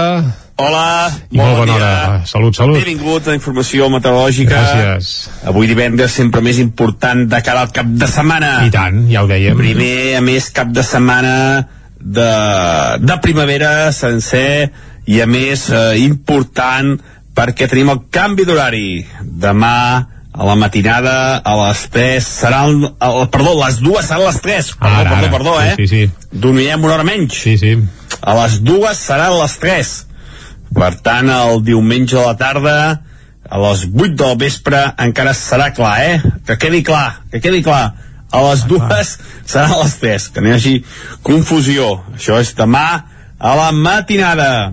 Dit això, la temperatura ja ha pujat. Les mimes no són tan baixes, hi ha una pujada de les temperatures que es nota, eh, poques glaçades al Pirineu, temperatures per sobre els 5 graus a la majoria de, de poblacions, per tant la temperatura ha pujat. Dir també que avui tindrem més estrons de sol, sobretot a primera part del dia. Eh, de cara a la tarda més núvols, però la primera part del dia farà més sol. Això farà pujar les temperatures màximes entre els 15 i els 17 graus. I de cara a demà dissabte tornarà la inestabilitat, però eh, de forma moderada. Hi haurà molts núvols, poques precipitacions. I diumenge torna el sol. Diumenge sí que serà el dia més assolellat del cap de setmana. Les temperatures poden pujar màximes 15, 16, 17 graus i bastant de sol el diumenge. Repeteixo, bastant de sol que poder fa unes 3 setmanes que no fa tant de sol i eh, diumenge serà un dia bastant, bastant assolellat. Uh, només es preveuen algunes precipitacions aquest cap de setmana al dissabte, sobretot entre el migdia i la tarda, zona del prelitoral i també cap a l'interior, menys pluja cap al Pirineu. Però insisteixo, serà un cap de setmana eh, bastant, bastant assolellat, sobretot avui i diumenge, però com deia, com deia, com deia, dissabte encara inestabilitat. Eh, molts núvols i quatre gotes. Les temperatures mínimes tot cap de setmana molt semblants, eh, molt semblants a les d'avui, eh, per sobre els 5 graus a les ciutats, pobles, només per sobre d'aquests 5 graus a les parts més altes del Pirineu. I les màximes una mica més altes. Uh, per fi es passen d'aquests 15 graus a la majoria de les poblacions, uns 15 graus que feia dies que no solíem i que és una cosa uh, ja bastant insòlita per a finals de, de març. Uh, pujarà la temperatura aquest cap de setmana. Moltes gràcies, adeu, bon dia. Adéu, bon dia, fins d'aquí una estona. Exacte. Tanquem aquí el bloc meteorològic i anem al quiosc, Isaac. Som-hi ràpidament. vinga. Casa Tarradellas us ha ofert aquest espai. Moment de conèixer les portades dels diaris del dia i avui, que és divendres, començant per les del 9-9, Jordi. I arrenquem pel 9-9 d'Osona i el Ripollès que titula la meitat dels ajuntaments d'Osona tenen el servei d'aigua municipalitzat. A la pràctica, però, això equival només al 25% dels habitants, sobretot per la gestió privada que hi ha a Vic i a Manlleu. Això s'apunta al subtítol d'aquest titular. La fotografia principal és pel Pollasso de Torelló. Carai. Torna la disbauxa del Carnaval. Uh, ahir a la nit es va viure uh, una nova jornada gairebé prepandèmica de Carnaval, en aquest cas a Torelló, que seguirà, ja ho hem dit abans, tant avui com demà amb la gran rua de Carnaval. Més eh, informacions. El director general de la Universitat de Vic plegarà un any abans que acabi el mandat del patronat i la colònia de gavians de Vic s'estabilitza. Hi ha moltes gavines últimament per Vic, però sembla que s'ha estabilitzat allò entre 400 i 500 exemplars la colònia que ara mateix estaria vivint a Vic. No són pas pocs. No, molts. I ja et dic jo que fan unes cagarades que si cauen al cotxe el deixen... De color oliva. Sí, bé, deixa'ls anar. No fan cagarades de pardal, precisament. Anem al 9-9 del Vallès Oriental. Titular principal, Mayoral plega d'alcalde. Josep Mayoral comunicarà aquest divendres a la militància socialista de Granollers que no esgotarà el seu mandat. A l'Assemblea Local del PSC, la primera tinent d'alcalde, Alba Bernocell, serà l'única candidata a substituir-lo al capdavant de l'Ajuntament. Uh, aquest canvi que sembla que es faria, entre cometes, oficial avui mateix, però que el 9-9 doncs, ja l'avança. També la motiu adeu a en Vicenç. Centenars de persones acomiaden Vicenç Saez de Tejada, activista social i cultural de Granollers, mort de forma sobtada als 60 62 anys aquest passat dilluns. Ja ho vam informar també aquí a Territori 17. I també a la portada s'apunta acord per cobrir 400 metres de vies de tren a Granollers, un acord que es va presentar aquesta setmana uh, mateix entre l'Ajuntament de Granollers i Adif. Anem a les portades que s'editen des de l'àmbit nacional. Comencem pel punt avui, que titula Castellà per llei. Aquest és el titular principal del punt avui, pacte per elevar el castellà a llengua d'aprenentatge escolar. El català seguirà sent vehicular, però segons el projecte lingüístic de cada centre.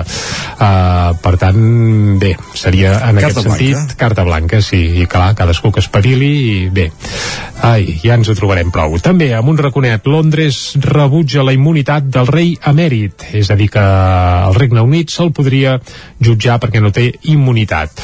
Més portades, deixem el punt avui, anem cap a cap a l'ara, que diuen la Unió Europea, l'OTAN i el G7 es coordinen per frenar Putin. Aquest és el titular principal i a la fotografia s'hi veu a Macron, president de França, i Joe Biden en una actitud distesa, allò d'amics, i també Junts per Catalunya firma el pacte unitari pel català a l'escola i demana refer-lo hores després. Devien fer alguna trucadeta, vés a saber on, ja t'ho pots imaginar, els hi va dir tu, què esteu fent? Que això no, això no ho podem firmar. El periodista Ferran Casas piulava i al vespre Twitter ha fet la seva màgia. No sé si va ser una trucada o va ser només Twitter, però déu nhi sí. Bé, doncs ja, ja, ja es veurà. Això és el que apareix a la portada de l'Ara. Anem a la portada del periòdico l'OTAN preparada pel pitjor. L'Aliança activa plans de defensa davant d'atacs químics i nuclears i insta la Xina a que s'abstingui de donar qualsevol tipus d'ajuda a la Xina. A la fotografia també es veu Biden i Macron i eh, també el transport esgota els terminis per acabar amb la vaga. Sembla que ahir finalment cap a les dues de la matinada hi va haver un principi d'acord, però recordem que aquest acord es va fer sense la principal eh, organització que convoca precisament les mobilitzacions i les vagues, que és molt minoritària, també cal dir-ho. I, Però està fent feina, sí. Sí, i tant, i tant. Amb un raconet del periòdico també. La justícia anglesa considera que es pot jutjar a Juan Carlos. Per tant, aquí avisa no és traïdor. La Vanguardia Sánchez demanarà a la Unió Europea una solució per rebaixar la llum a Espanya i Portugal. El president redueix les seves pretensions i defensarà que la península és una illa energètica poc connectada. I repassem, Jordi, si et sembla ara les portades de sí, Madrid. ràpidament, no? I comencem pel país. Biden ofereix gas a Europa perquè renunciï al de Rússia. A l'ABC, la guerra llasta a Espanya. Estats Units subministrarà més gas a la Unió Europea per tal que no depengui tant de Rússia. El Mundo, l'OTAN pacta blindar-se davant d'un atac nuclear i apressa la Xina.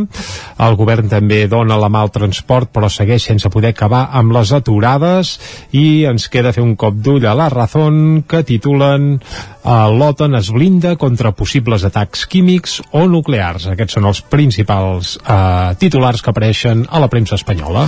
Doncs anem a posar-hi música. Avui ja has dit que ens portaves una cançó d'obeses, eh? Sí, exacte, home, hem de celebrar que després d'un any i mig sense obeses en directe, avui a la nit tornen, ho faran amb un concert que es farà a les 8 del vespre a l'Atlàntida de Vic. Curiosament és el mateix escenari on van plegar veles fa això ja prop d'un any i mig, amb un darrer concert, en aquell cas acompanyats de la Cobla Berga Jove, va ser un autèntic concertàs, que per cert eh, es van enregistrar en un disc que es pot eh, escoltar a les plataformes, el primer disc en directe d'Obeses, també es va poder veure per televisió, bueno, i avui Obeses torna. Matisem-ho, que és... Ah, no, sí, sí, clar, en directe sí.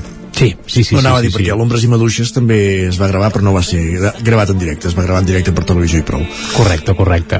Uh, bé, dit tot plegat, uh, això, recordem que tornen avui a les 8 del vespre a l'Atlàntida i ho faran per presentar un disc que encara no han ni gravat i que encara pràcticament no tenen cap cançó. Només han avançat el títol, el nou disc d'Obeses, el sisè disc d'estudi de la seva carrera es titularà L'Ai al cor i sembla que avui no n'avançaran cap peça, però sí que durant tot aquest any 2022 doncs el que faran és una gira de preestrena aquest, d'aquest, eh, del que ha de ser aquest nou disc on en teoria hem d'anar avançant algunes de les peces. De moment ens quedarem amb aquest Fills de la mateixa mare, una de les peces que apareixia al seu darrer disc d'estudi, Fills de les estrelles. Amb això arribarem fins al punt de les 10 aquí a Territori 17. Està bé.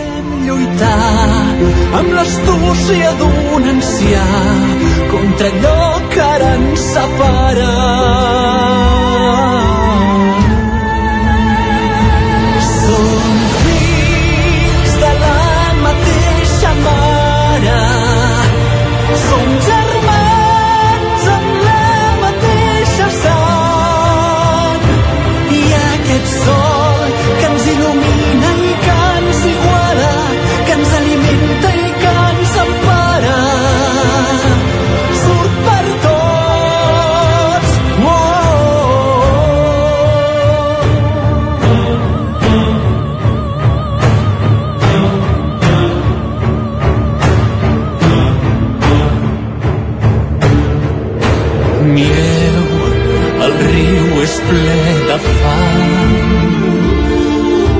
Fumegen aquells boscos on jugàvem tant. Per què no hem sabut parar? Si al final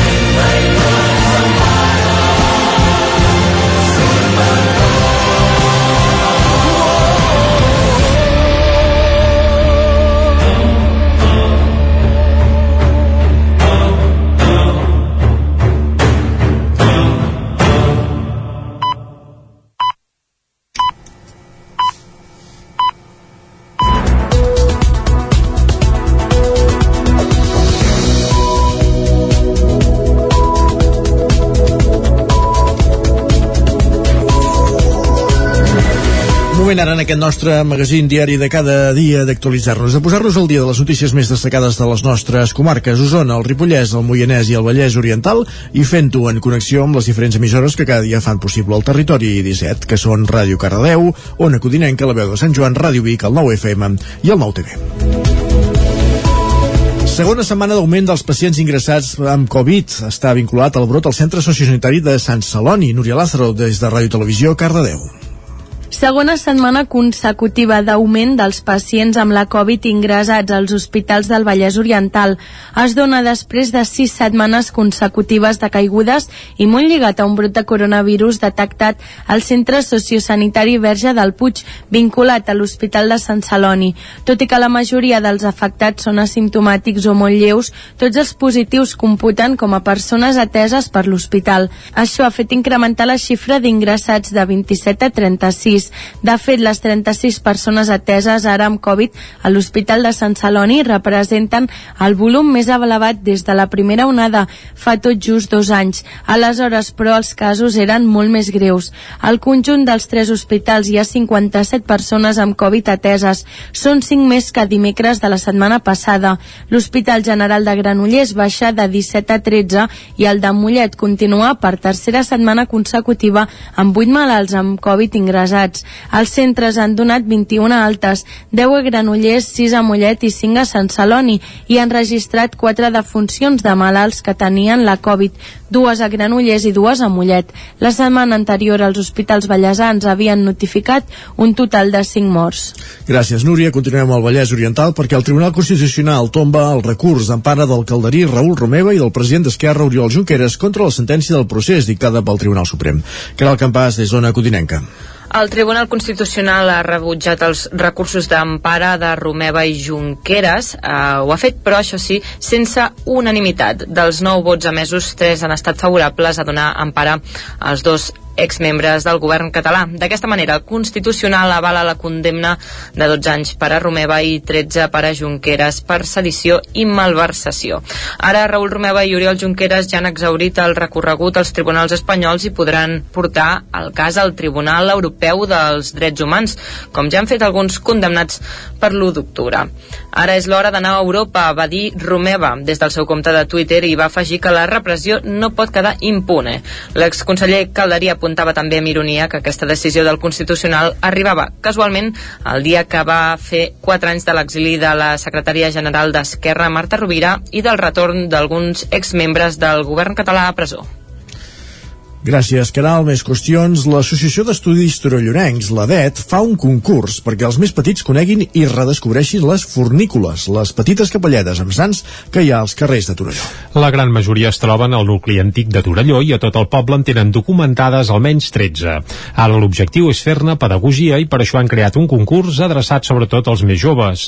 Es tracta de localitzar les diverses fornícules que hi ha a les façanes del poble, és a dir, les petites capelletes dedicades a la devoció d'un sant o una santa que s'ubiquen en un buit normalment semicircular, en moltes ocasions també il·luminat a la nit. I qui en trobi més abans que acabi aquest mes de març tindrà un premi que es lliurarà el 22 d'abril en el marc de la cerimònia dels Premis Literaris Vila de Torelló, que es farà al Teatre Sirvianum.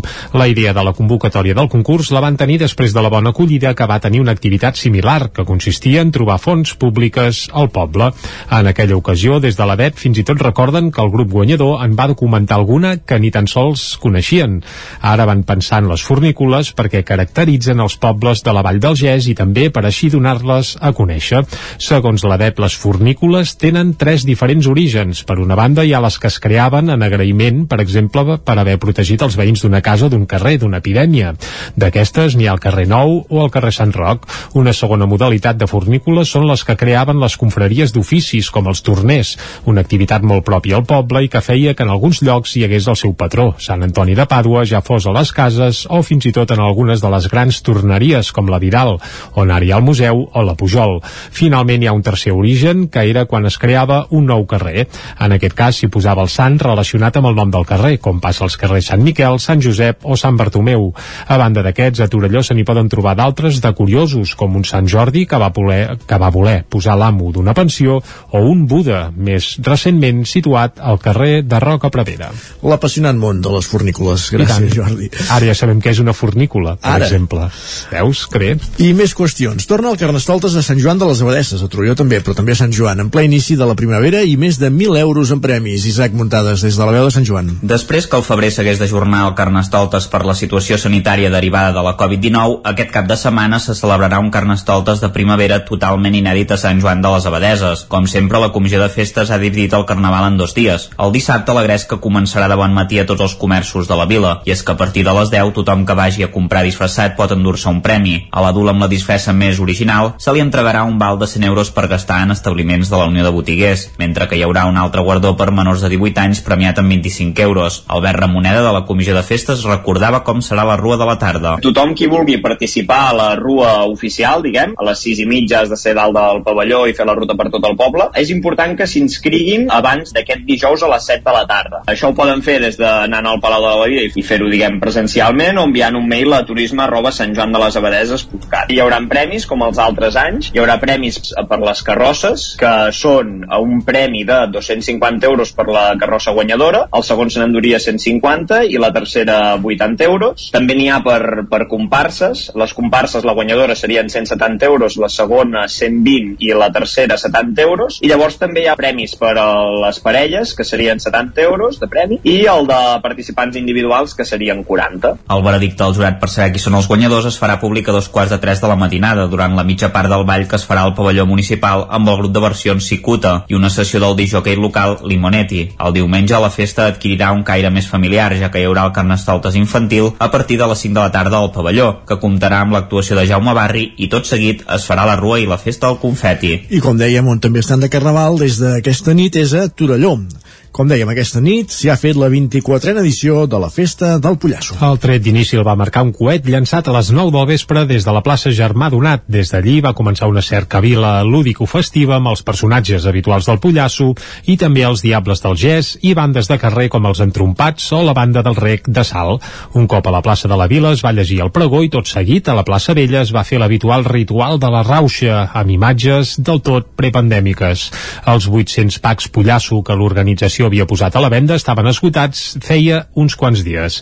El Carnaval de Torelló seguirà avui amb la festa de senyoretes i homenots i demà dissabte amb la Gran Rua, que com sempre també es podrà seguir en directe per al Nou TV. Canviar de qüestió, obrim pàgina cultural l'un per l'altre. És el títol de la mostra que la il·lustradora Isa Basset ha portat a l'AC Vic, Centre d'Arts Contemporànies. Un homenatge en tota regla a qui va ser el seu company d'aventures durant més de 30 anys, el periodista i escriptor biguetà desaparegut ara fa un any, Toni Coromina. A pocs metres i amb una fotografia de Sant Bartomeu del Grau, Emili Vilamala i Roser Iborra representen el gran núvol en el marc dels relats fotogràfics. La Rita, la Rita, volem dir, en Kubala, els protagonistes del conte infantil que el periodista i escriptor Toni Coromina va escriure als anys 90 ocupen des de divendres gran part d'una de les sales de l'AC Vic, un homenatge que la seva autora, la il·lustradora Isa Basset, ha volgut retre a Coromina un any després de la seva mort. Sota el títol L'un per l'altre, Basset hi repassa més de 40 anys d'amistat, complicitat i projectes a quatre mans. A banda de les il·lustracions del conte, la mostra es completa amb publicacions que Coromina i Basset van firmar plegats al 9-9, al Pardal Moderat o a la revista Alter. Escoltem a Isa Basset. Aquesta exposició va d'Antoni Coromina i dels 40 anys que hem estat treballant junts. Vam començar fent alguna col·laboració amb premsa local, després va venir el Pardal Moderat, seguit del Ter, que ens hi vam estar més de 20 anys, i entremig vam fer aquest conte que, que hi ha aquí, és sobre la Rita en Kubala que també el va escriure Antoni i el vaig il·lustrar a pocs metres, gairebé presidint el Centre d'Arts Contemporànies, hi ha el gran núvol d'Emili Vilamala, que pren el relleu dels relats fotogràfics.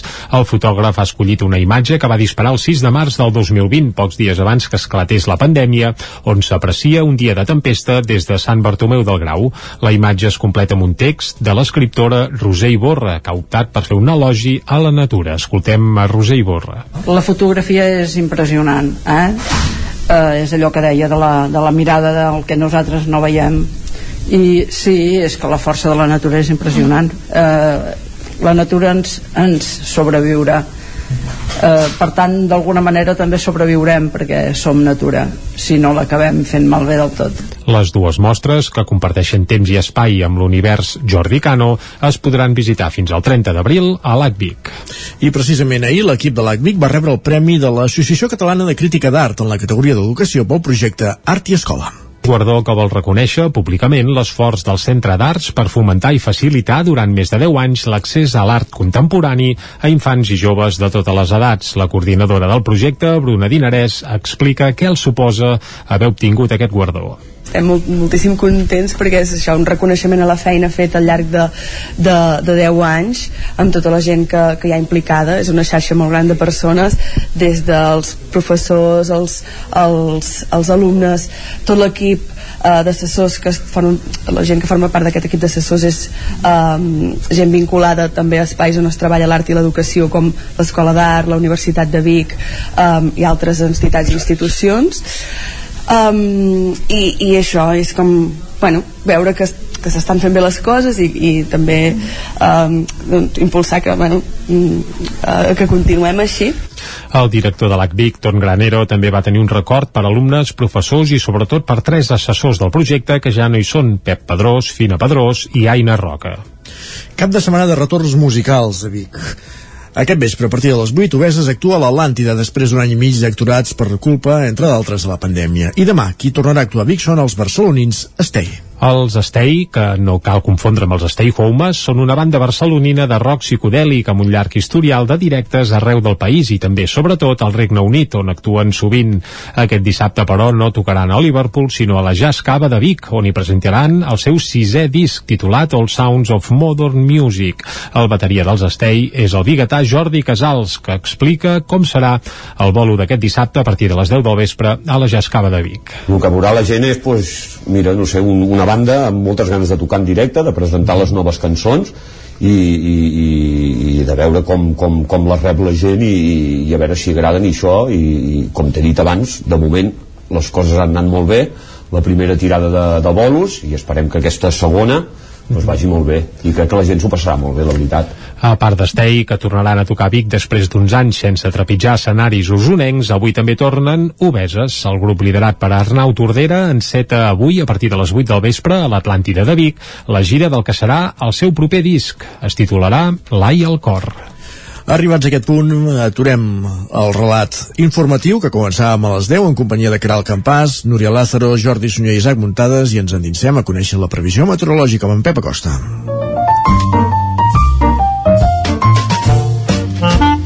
Casa Terradellos us ofereix el temps. Doncs vinga, uh, saludem de nou en Pep Acosta. A primera hora ja ens ha recordat el tema canvi horari. Uh, Recordem-ho, eh? la nit de dissabte a diumenge, a les dues els rellotges cal situar-los a les 3, per tant dormirem una hora menys.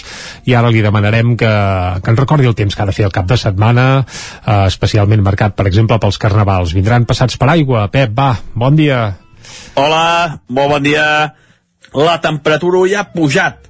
Les mimes no són tan baixes, hi ha una pujada de les temperatures que es nota, poques glaçades al Pirineu, temperatures per sobre els 5 graus a la majoria de, de poblacions, per tant la temperatura ha pujat. Dir també que avui tindrem més estones de sol, sobretot la primera part del dia. Eh, de cara a la tarda més núvols, però la primera part del dia farà més sol. Això farà pujar les temperatures màximes entre els 15 i els 17 graus. I de cara a demà dissabte tornarà la inestabilitat, però eh, de forma moderada. Hi haurà molts núvols, poques precipitacions. I diumenge torna el sol. diumenge sí que serà el dia més assolellat del cap de setmana, les temperatures poden pujar, màximes 15, 16, 17 graus i bastant de sol el diumenge. Repeteixo, bastant de sol, que poder fa unes 3 setmanes que no fa tant de sol i eh, diumenge serà un dia bastant, bastant assolellat. Eh, només es preveuen algunes precipitacions aquest cap de setmana el dissabte, sobretot el, entre el migdia i la tarda, zona prelitoral i també cap a l'interior, menys pluja cap al Pirineu. Però insisteixo, serà un cap de setmana eh, bastant, bastant assolellat, sobretot avui i diumenge, però com deia, com deia, com deia, dissabte encara inestabilitat. Moltes gràcies i ens escoltem dilluns. Eh, farem l'anàlisi del que ha passat aquest cap de setmana pel que fa al temps. Moltes gràcies, adeu, bon dia. Aquí estarem dilluns. Gràcies, Pep, bon cap de setmana també. Exacte, bon cap de setmana. Atenció a la tarda de dissabte eh? i ens ha dit en Pep que no es descarta algun ruixadet. Esperem que bé, que hi hagi una treva pel Carnaval i la Rua de Torelló. O que sigui assumible, si més no el ruixadet. Ah, esperem-ho, bé, tampoc ha augurat grans tempestes ni grans, grans plogudes eh? bé, tanquem aquí el tema meteorològic i quan passa un minutet d'un quart d'onze Isaac, anem cap a l'entrevista? Doncs va, anem a l'entrevista, som-hi. Casa Tarradellas us ha ofert aquest espai Territori 17. Envia'ns les teves notes de veu per WhatsApp al 646 079 023. 646 079 023. WhatsApp Territori 17.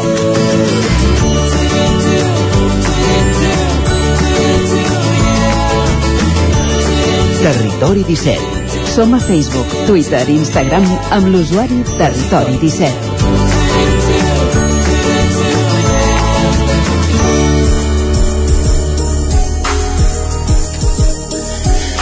Fa un mes que Ucraïna està sent atacada militarment per Rússia. Arran d'aquesta guerra, milions de refugiats estan sortint del país i es van escampant arreu del continent europeu. És el cas del Vladimir, que fins fa poc estava instal·lat a casa d'un codinenc, Xavier Bassas. Oi, Caral Campàs, des d'una codinenca? Sí, eh, Bassas de Sant Feliu de Codines va treballar tota la vida a l'empresa Sati de la Garriga i per temes comercials va viatjar molt a Ucraïna, on hi va fer molts amics i un d'ells precisament és el Vladimir. Eh, per saber una mica més de detalls d'aquesta de, història tenim en Xavier Bassas al telèfon. Bon dia i moltes gràcies per atendre'ns.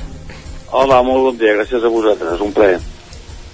Uh, primer de tot, com us vau conèixer amb en Vladimir? Amb el Vladimir, curiosament, ens vam conèixer a Moscou. Vam conèixer un ucranià a Moscou. Eh, jo treballava a la SATI, com vosaltres ja heu explicat, i era el director comercial.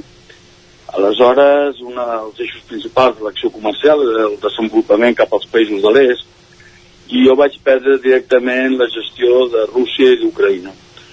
Ens buscava un distribuïdor per, per, per Ucraïna i hi havia una fira molt important que es feia el mes de, mes era, mes de desembre a Moscou, al centre d'exposicions de Crocus, eh, organitzava la Heim Tèxtil, i vaig anar allà, vaig muntar un estant i bueno, una de les persones que va entrar va ser el Vladimir i vam tancar un acord de distribució per al seu país. Així va ser. Com dèiem, en Vladimir ha estat força any, temps visquent amb vosaltres aquí a, a Sant Feliu. Actualment on, on vivia i quina és la situació d'ell i la seva família? Bueno, ell no porta molts anys visquent aquí, ell està aquí fa una setmana. Ah, d'acord. No, no, no. Ell, quan va començar la guerra, jo tenia contacte amb ell, perquè jo ara ja estic jubilat, ja no treballo, evidentment, i aleshores jo tenia contacte amb ell alguna vegada per Facebook, cada dos o tres mesos, no? Ja, ja l'esclatar la guerra, em vaig posar contacte amb ell per Facebook, d'allà vam passar a Telegram, i vaig dir que si necessitava algú que m'ho digués, i efectivament al cap de dos o tres dies em va, em va enviar un missatge per Telegram si podria acollir-el i bueno, sí, no? Un amic de tota la vida, perquè a part de la feina vam acabar sent realment amics. Eh? Uh -huh. Uh -huh. Uh, us ha sigut fàcil aconseguir la, la seva, tota la seva documentació? És molt fàcil, ha sigut terriblement fàcil. Mira, uh, jo vaig anar a buscar a l'aeroport, em penso que era dimarts la setmana passada, i avui ja tinc, ja tenen, estan empadronats a Sant Feliu de Codines els, dos, els tres, perquè hi ha la dona i el nen tots tres, estan empadronats tots tres, el nen ja va a col·legi, inclús es queda a dinar allà, eh, tenen ja la targeta sanitària, eh, tinc hora ja perquè puguin anar a immigració aquí al, a la Fira de Mostres a Barcelona a fer tota la documentació, so, tinc ajudes, perquè bueno, al final ells han estat visquent aquí una temporada, una setmana, no? Però els hi hem muntat un pis específicament per ells perquè tinguin la seva intimitat, no? I a part que nosaltres els ajudem, doncs hem aconseguit totes les ajudes alimentàries, d'aliments, que, que dona Creu Roja, que dona, Sa- que dona Càritas, i així, molt, molt, molt, molt fàcil. Fàcil i ràpid. I ells com ho estan vivint tot plegat? Perquè entenc que no ha de ser fàcil estar lluny de casa, sabent que, que hi ha els atacs militars i, en fi, com, com ho porten tot plegat? No, jo diria que tots dos ho porten amb moltíssima pena, però amb, amb, amb perspectives absolutament diferents. Eh, dir, els dos estan constantment enganxats a, a la tablet, veient les notícies del seu país, eh, en contacte eh, amb, amb, amb gent que tenen allà, el nano es passa el dia eh, bueno, està col, evidentment, es passa el dia enganxat amb jocs amb online, amb amics seus, i es comuniquen a través del joc també, etc. Però les perspectives dels dos són absolutament diferents. Així com, per exemple, la mare, jo crec que té... Ells estan separats, i que estan visquent junts en aquest moment. Eh, tot i que la mare, la mare té claríssim que vol refer la seva vida aquí, està aprenent català, ja, ja va a cursos, eh, li estem buscant feina i vol refer la seva vida aquí. El pare, no. El pare, la seva mentalitat és tornar cap al seu país i refer la seva vida allà. Però els dos amb molta pena, evidentment, i amb angoixa, sobretot, pels que han deixat allà. Això els preocupa moltíssim, inclús em demanen si podem portar més gent i estem intentant fer alguna gestió si podem. Uh, comentaves que vas posar-te en contacte amb ell per Facebook, després per Telegram. Eh, encara et vas informant i comunicat, no sé, amb altres coneguts que puguis tenir allà? Sí, sí, sí que ho faig. El que passa que molts dels que jo vaig conèixer en aquella època, perquè eren gent molt jove, amb molta empenta, amb moltes ganes de viatjar, molts han refet les seves vides ja abans de la guerra fora. Per exemple, hi ha una noia que està a Finlàndia, hi ha un noi que està, es va casar amb una noia d'ucraïnesa i està a Estats Units, però sí que n'hi ha algun que, per exemple, em va dir bueno, que, que, que s'anava a fer la guerra i no he sabut més res d'ells i doncs, doncs tenint el contacte. Després hi ha una altra noia, que aquesta sí que està a Ucraïna i continuo tenint contacte amb ella. Un altre està a Eslovàquia, amb la qual eh, està molt en contacte amb, la- amb la frontera amb, amb Ucraïna i també passa informació. Sí, estic en contacte, sí. Ara, quan fa de l'última vegada que va ser a Ucraïna, i quin record en tens? Com era aquest país quan, quan hi, hi anaves per feina, per negocis? Ha canviat? Aviam, eh, jo, que jo he estat per última vegada fa dos anys. Dos anys. Però va ser un viatge absolutament de plaer. Vaig anar, vaig anar amb moto. Eh? Vaig agafar una moto, me'n vaig anar fins allà perquè em venia de gust veure els meus amics i me'n vaig anar amb moto tot sol fins allà. Però el país que vaig deixar era un país que era de gent jove, amb moltes ganes de, de prosperar, amb molta empenta, amb un sentit de l'economia més tendent al capitalisme que al comunisme, eh, amb gent que estava totalment bocada cap a Europa en aquell moment. En compte que tots els que jo vaig conèixer, per exemple, Vladimir va participar a la, al Maidan, va ser part de la, de la Revolució Taronja, és dir, que eren gent en aquell moment que tenia molta empenta, que anaven molt cap a Europa i que moltes ganes de desenvolupar projectes, gent molt amigable, molt fiable, i vaig sentir molt acollit i vaig tenir molt bona relació, vaig sentir com a casa, la veritat. Um, co- com, com creu que hauria d'evolucionar el conflicte? Ostres, jo crec que això està pregunta, jo que ni, ni els grans experts ni els grans experts ho saben, no? Jo puc dir-te el que jo crec des del meu punt de vista, però que evidentment no té, té el valor que té. No? Jo crec, coneixent una mica Rússia, que Rússia al fi i al cap és un país que és ric, perquè té recursos naturals, etc, però al fi i al cap el seu producte interior brut tampoc és per tirar coets, no? Penso que està al nivell d'Itàlia, tenint el triple de la població, qual vol dir renta per càpita és bastant baixa, no? I vol dir que no crec que Rússia pugui aguantar aquesta situació des d'un punt de vista econòmic durant molt temps. Per l'altra banda, jo coneixo molt els ucranians i són un país absolutament nacionalista i terriblement patriòtic. Són gent que estan disposada a donar la seva vida pel seu país. És a dir, que si es junten les dues coses, que uns no saben per què lluiten i a sobre les seves capacitats econòmiques per mantenir aquest nivell jo crec que no, no donen. I per l'altre tens un país que està pujant a Europa i Estats Units i um, que saben perfectament per què lluiten, perquè estan lluitant per la seva terra i que el tenen claríssim i amb ganes de resistir jo crec que això no pot durar gaire és dir, que un altre, jo crec que Rússia haurà de cedir i sentar-se en la taula a negociar però això és la meva valoració que té el valor que té Uh, una última pregunta abans de, de convidar Xavier. Uh, abans ens comentava això que, que la família de Vladimir o que tenen altres uh, coneguts uh, encara a Ucraïna i que demanen uh, ajuda per poder acollir altres persones que estan encara uh, al país uh, us heu posat en contacte amb organitzacions diguéssim per, per poder fer per poder portar aquesta gent aquestes persones cap aquí o en quina fase esteu? Bé, en aquest moment el que estem fent és que estem donant veus només a nivell de Sant Feliu. Uh -huh. Eh? M'ha explicat que, que, que ell va deixar allà. Ell va, és que ell és inútil per la guerra per un tema físic, perquè té un problema, una minusvalia en l'ull dret del 95%. D'acord. I, llavors estava exempt. I llavors ell va decidir fer una tasca humanitària de portar gent cap aquí.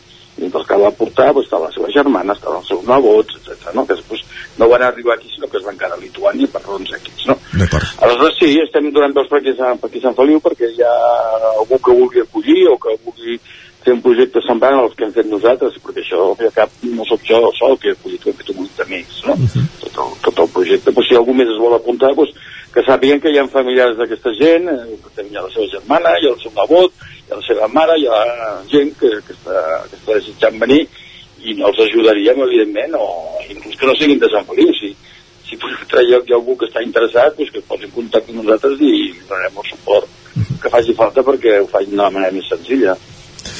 Xavier Bassas, gràcies per explicar-nos el seu testimoni avui al Territori 17. Com dèiem, un veí de Sant Feliu de Codines que per qüestions laborals havia viatjat molt a, a Ucraïna, on hi té contactes i que, com dèiem, ha acollit una, ara mateix una, una família, la d'en Vladimir, aquí, aquí coneixia de, del seu passat laboral. Gràcies per ser avui al Territori 17 i explicar-nos-ho. Moltíssimes gràcies a vosaltres i fins sempre. Bon dia. Doncs ja ho heu sentit, crida feta també per, per qui vulgui eh, continuar acollint persones que estan fugint de, del conflicte bèl·lic. Gràcies, Caral, parlem més tard també. Fins ara. Fins ara. Al territori 17, que abans eh, continuem, fem tot seguit una petita pausa per la publicitat, però tornem. Passarem pel món Twitter amb en Guillem Sánchez per recollir les principals piolades. Anirem a la taula de redacció i abans del punt de les 11 repassarem els compromisos esportius a l'agenda esportiva pels equips del territori 17. Notícies a les 11 i després ens visitaran Jaume Espuny amb un altre dels seus clàssics musicals abans d'emprendre la recta final del programa passant per l'R3 i a la secció gastronòmica de cuina, la Foc Lent abans de l'agenda del cap de setmana. Fins ara. El nou FM, la ràdio de casa, al 92.8. Ja tens la teva disfressa? Carnestoltes a Manli. Vine i demana'ns la disfressa que vulguis. Trobaràs un món de fantasia en disfresses i complements per al Carnestoltes. Hi ha uns preus especials. Som al carrer Ramon Soler, número de Vic, i també ens trobareu a manli.cat. Fem de la festa una bogeria. Una bogeria. A la rostisseria El Plat ens agrada la cuina de sempre, la de les àvies i de les mares, la cuina feta amb paciència com s'ha fet tota la vida. Vine a provar els nostres canelons gruixuts o els croquetons, les nostres croquetes de 80 grams, i recupera el gust del pollastre a com els que es menjaven abans. Ah, i aprofita, fins a finals de febrer, 20% de descompte en els canelons i el pollastre. Rostisseria El Plat, encàrrecs fins a les 12 del migdia i servei a domicili. Ens trobaràs de dijous a diumenge al carrer Església número 6 de Taradell o al 93 135 58 85. Estàs afectat pel càrtel dels cotxes? Si vas comprar un cotxe entre el 2006 i el 2013, pots recuperar fins a un 15% del preu de compra. Contacta amb Puig de Canet Advocats i et tramitarem la reclamació en col·laboració amb Redi Advocats, un despatx d'abast estatal amb més de 40.000 afectats, sense pagaments, sense riscos i sense judicis. Només cobrem si tu cobres. Truca al 93 883 3223. Coberta serveis funeraris.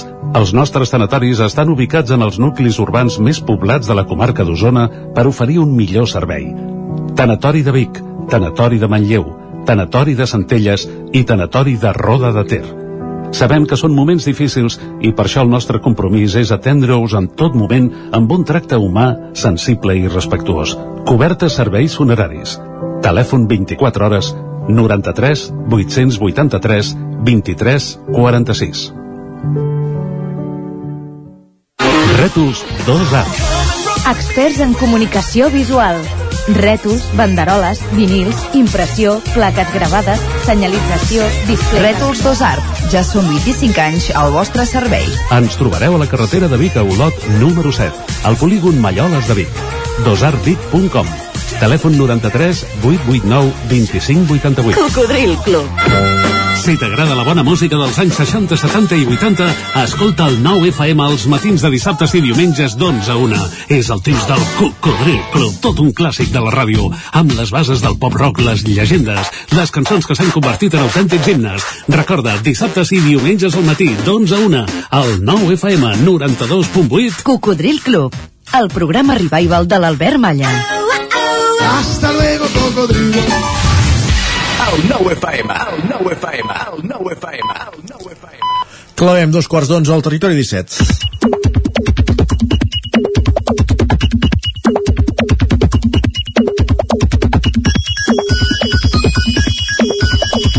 I a dos quarts d'onze, Isaac arriba cada dia en Guillem Sánchez per recollir unes quantes piulades i ja el tenim aquí. Què tal? Com Benvingut, estem? salut. Ben retrobat. Uh, vinga, uh, quant de temps, eh? Fa un Quant dia que no ens veiem, eh? Almenys aquí, eh?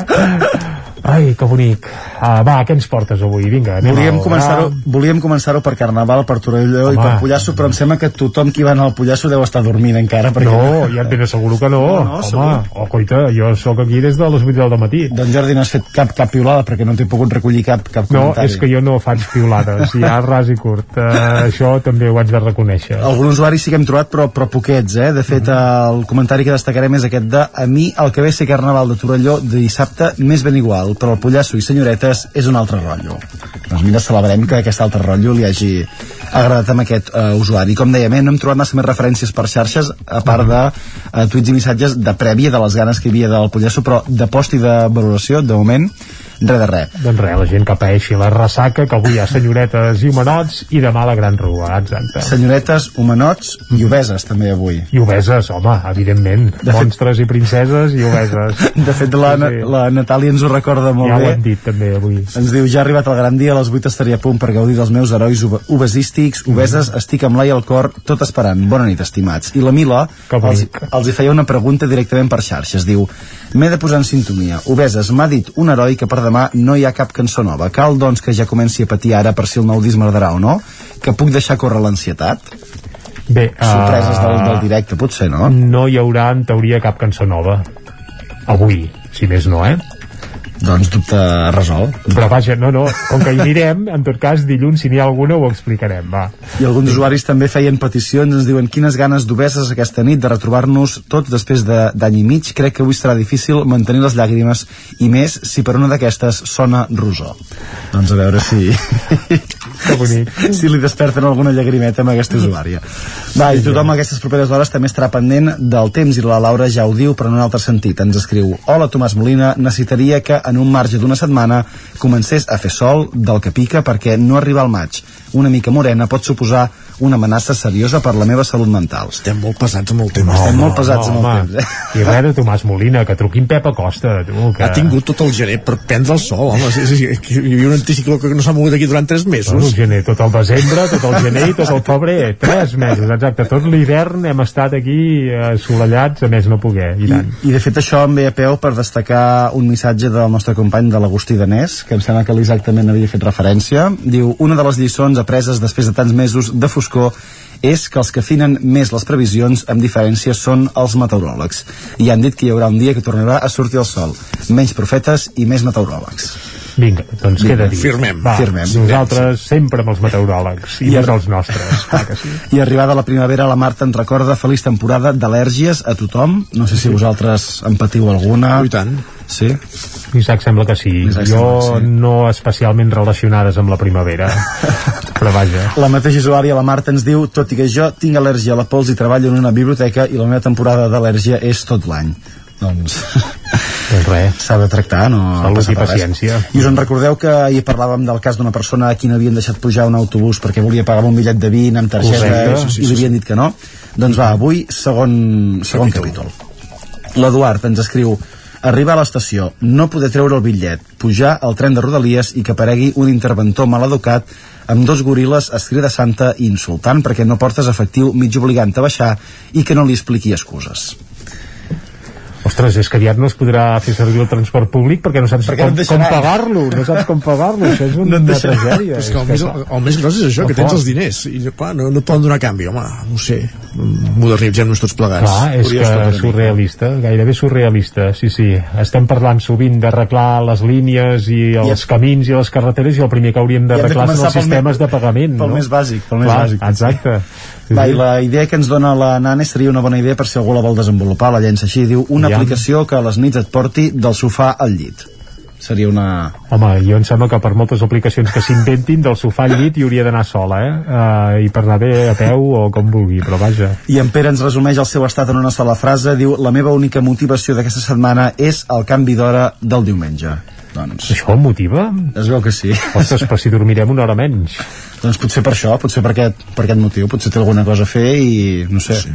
Mm, Bé, bé, bé, el que és clar Ja, és que a les 8 del vespre encara serà de dia. Correcte. Això, mira, no hi ha mal que per bé no vingui, però els que ens llevem, jo què sé, a les 6 del matí o quarts de 7 encara serà fos. Per tant, tothom esperar-se fins a les dues la matinada de, de dissabte a diumenge per poder canviar el rellotge. Bé, també es pot canviar quan et lleves el diumenge i fer-ho. Ah, sí? Ostres, pot... Sí, no, no cal estar a les dues del matí al peu del canó allà... Però bueno, com que tu, Guillem, seràs a la rua de Torelló, sí? I de festa per allà, sí? O Porto, no? porto 29 anys fent-ho malament, doncs, Jordi. Ah, sí? Això del canvi d'hora. Tu ho fas en directe, a l'hora que toca. No, no, no. Va, va. Va, doncs, uh, escolta, dilluns, quan tornis, pensa que hauràs d'haver canviat l'hora, eh? Sí. És a dir, no et presentis aquí a Sí. quarts de nou del matí ni a les 12 del migdia. ja es canvia, perquè- ja es canvia sola ja es canvia sola ara. Ho intentarem, ho intentarem. Va, doncs ja està, estiguem al cas. Moltes gràcies, Guillem.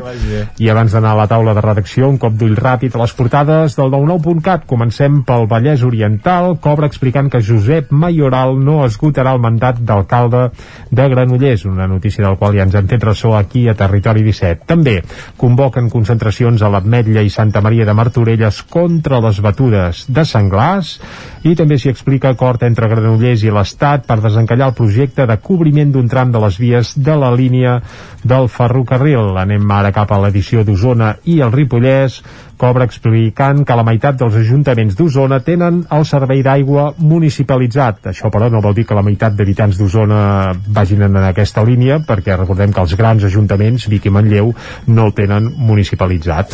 També hi apareix el programa Art i Escola d'ACVI, que és premiat, i que les sequeres extremes i continuades afavoreixen l'expansió de peixos exòtics i d'algues als rius de Catalunya. Perfecte, moltíssimes gràcies. Entrem a la taula de redacció.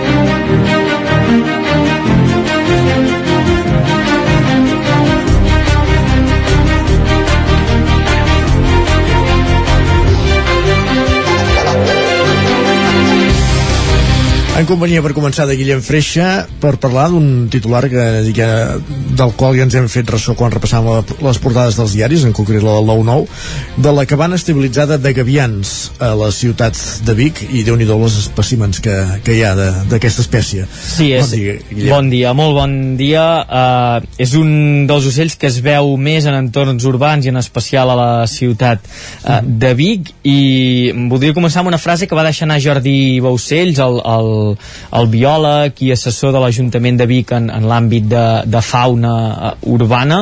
Ell deia, però uh, les, les gavines no són animals de mar? Uh, doncs no, des de fa uh, 30-40 anys les gavines uh, van deixar el mar, van entrar cap a terra uh, ferma i ho van fer buscant aliments cridats per a la mala gestió que es feia principalment dels abocadors. Eh, es proliferaven els abocadors incontrolats amb moltes restes orgàniques, això volia dir menjar en abundància i de fàcil accés, i els eh, gavians, en concret és l'espècie de gavià argentat, doncs va pujar a través dels cursos fluvials cap a l'interior i aquí a la comarca d'Osona doncs, també s'hi va eh, establir, com dèiem, anant a, a buscar aquests residus orgànics, aquests aliments en els boca- abocadors incontrolats. En els últims anys, el mateix Baucells apuntava que la millora en la gestió d'aquests abocadors eh, de, de xalles, en el cas de la comarca d'Osona al Durís, doncs la feina ben feta en aquests abocadors, on es controla molt més eh, com entren les coses, com s'enterren, es recicla també molt més la fracció orgànica, doncs, han anat fent reduir la presència d'aquests gavians, però encara hi són, encara passen per la comarca d'Osona i en concret les xifres eh, que tenen ara mateix aquí a Osona és que la colònia se situa entre 400 i 500 exemplars que es mouen de manera habitual a la comarca d'Osona. D'aquests eh, mig miler, aproximadament uns eh, 150-200 entren a la ciutat de Vic, a l'entorn urbà de la ciutat de Vic, principalment també per dormir-hi o bé per buscar-hi menjar. Eh, no el troben en els abocadors perquè està més eh, controlada la situació a les ciutats, doncs, eh, remenant contenidors, remenant eh, escombraries, eh, fins i tot eh, pescant um, aliments que pugui llançar la ciutadania al terra eh, doncs van a buscar aquest menjar què passa? Eh, que aquests eh, 150-200 gavians arriba un moment de l'any que coincideix amb aquest període en què ens trobem ara, l'inici de la primavera, els mesos d'abril principalment, on comencen a criar. Es té constància que unes 40-50 parelles eh, s'estableixen a la ciutat de Vic per criar. Això vol dir fer nius, posar els ous, eh, covar-los per, per, eh, bueno, per tirar endavant l'espècie. Què ha fet l'Ajuntament de Vic des de fa uns anys? Doncs iniciar una campanya en què es demana a la ciutadania que a la mínima en què es detecti algun niu de gavians en una taulada, en un altell, en una zona d'algun habitatge uh -huh. estigui habitat o no, s'avisi ràpidament a l'Ajuntament per actuar de manera eficient. Què vol dir actuar de manera eficient? doncs eh, retirar el niu, aquest és el procediment eh, més fàcil, retirar el niu perquè el gavià quan hi torni ja no se'l trobi i hagi de buscar un altre espai, Ubicació. una altra ubicació, o en el cas que en aquest niu ja hi hagi posta, ja hi hagin els ous, el que fan els tècnics és pujar, es punxen aquests ous, per tant eh, s'evita que criïn eh, aquests animals i també s'evita el sofriment, el patiment dels de, eh, els espècimens eh, amb, amb qualsevol sacrifici o amb qualsevol altra pràctica. El que, el que no es busca mai és l'enfrontament, no?, amb l'animal. No, Exacte, sempre es busca el moment adequat perquè eh, explicaven això, eh, que en principi no t'haurien de fer mal com a humà, però sí que quan pel mig hi ha les cries o els ous, doncs són molt territorials i sí que poden mostrar eh, doncs comportaments eh, agressius i, i plantar, plantar cara. Des de l'Ajuntament se'n fa una valoració molt bona d'aquesta campanya en els últims anys, per això s'insisteix en avisar de seguida que es detecti eh, un niu, normalment es situen en això, en, en taulades, i a la ciutat de Vic es té comprovat que tenen preferència per determinats eh, barris, en principi el nucli històric i també la zona del remei, el que dèiem, són animals eh, territorials, han trobat que en aquests llocs eh, hi estan còmodes i s'hi posen. També ens deien que les, la tipologia de taulades que hi ha en aquests barris i de xamaneies també els hi van bé per fer aquests, eh, aquests eh, nius um, els gavians que com dèiem eh, s'ha estabilitzat la població amb aquests 150-200 i deien que si es segueixen fent bé les eh, coses amb aquest bon control en els abocadors de residus i també netejant bé taulades, fent un bon manteniment de les zones altes dels habitatges doncs eh, aquests eh, gavians que no entraran tant cap a, a la zona eh, urbana i no, no, hi, no hi criaran. Per tant, els gavians que tornen cap a la ciutat de Vic i, i crien en aquesta època de l'any i l'Ajuntament de la capital d'Osona inicia aquesta campanya per evitar que se consolidin i que busquin altres espais que no tinguin vincle amb l'activitat humana. Perfecte, moltíssimes gràcies, Guillem. Adéu, bon dia. Bon dia. Continuem amb aquesta de de redacció ara en companyia de Miquel R, perquè avui al 9-9 també publiquem una informació respecte a Montserrat Freixer, històrica presidenta d'Osona contra el càncer, que passa el relleu en aquesta activitat al capdavant de l'entitat. Correcte, la biguetana Montserrat Freixer, eh, popular, eh, d'aquestes persones eh, coneguda per, pels anys d'insistència, pels anys de treball, pels anys de, de, de compromís amb, amb la lluita aquesta solidària contra el càncer. Recordem-ho, és la presidenta des del primer dia, des de l'any 78, l'any que ve farà 25 anys Osona contra el càncer, però ella, de fet, eh, ja n'acumula 50 d'anys eh, en aquesta lluita, perquè ja des de principis dels anys 70, eh, de fet, era una època el seu marit, el, el difunt Pere Puntí era regidor de l'Ajuntament de Vic, en aquell moment doncs, les dones dels regidors acostumaven a, a implicar-se en alguna causa solidària, en el seu cas eh, això va compaginar, eh, en aquells moments era assemblea local de l'Associació Espanyola contra el Càncer, també eh, amb, amb la Creu Roja, amb el que va continuar implicada des de llavors fins ara ha estat amb, amb, amb la lluita contra, contra el càncer, al principi això com a, com a delegació local, uh -huh. fins que ja a partir dels anys 90 es va començar eh, a moure una mica aquesta, aquesta voluntat de dir, bueno, el que recollim aquí a la comarca també estaria bé que ho poguéssim gestionar des d'aquí a la comarca, en vez d'enviar-ho a la seu de persona i persona fixava prioritats.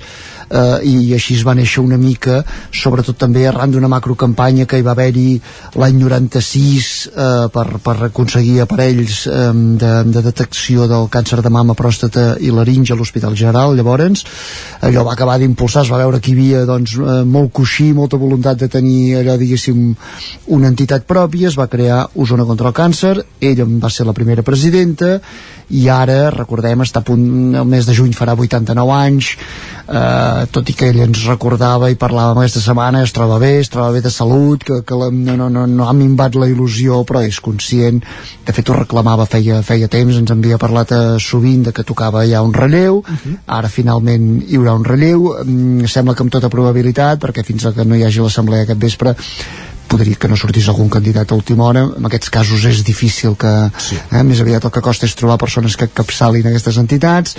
Serà la gurbatana Cristina Herrera qui prendria el relleu. Uh -huh i ja dic, ella molt predisposada encara ens comentava aquesta setmana a continuar col·laborant amb el que faci falta però ja no seria, diguéssim, des de primera línia que és el que ha fet això eh, pràcticament durant els últims 50 anys. Perfecte, doncs moltíssimes gràcies Guillem, eh, Miquel per portar-nos aquesta informació. Eh, continuem al territori 17 després de la taula de redacció on hem repassat també doncs, com dèiem, la trajectòria de Montserrat Freixer que deixa la, la presidència d'Osona contra el càncer. Fins ara. Fins ara, més qüestions al territori 17 entrem a la pàgina esportiva.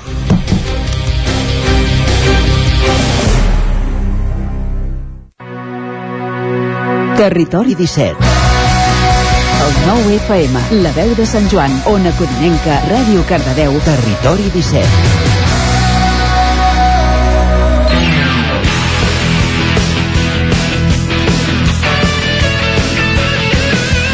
Tres quarts i un minut d'onze del matí obrim la pàgina esportiva ja ho sabeu com cada divendres a aquesta hora fem un repàs a l'agenda dels principals equips i esportistes dels nostre, de les nostres comarques per conèixer quins són els seus compromisos del cap de setmana i conèixer també la seva actualitat barra activitat. Comencem aquest recorregut als estudis de Ràdio Televisió Cardedeu amb l'Òscar Muñoz, aquí ja saludem. Bon dia, Òscar. Bon dia. Doncs tenim partits força interessants aquest cap de setmana. Això sempre està bé. Així està. Així que comencem el repàs esportiu amb el futbol. A la segona catalana tenim el primer equip del Cardedeu, que diumenge a un quart d'una juga a casa contra el Sant Pol. Partit força interessant, ja que els dos equips estan a la part alta de la Lliga. El Cardedeu doncs, va segon i el Sant Pol quart amb un partit menys.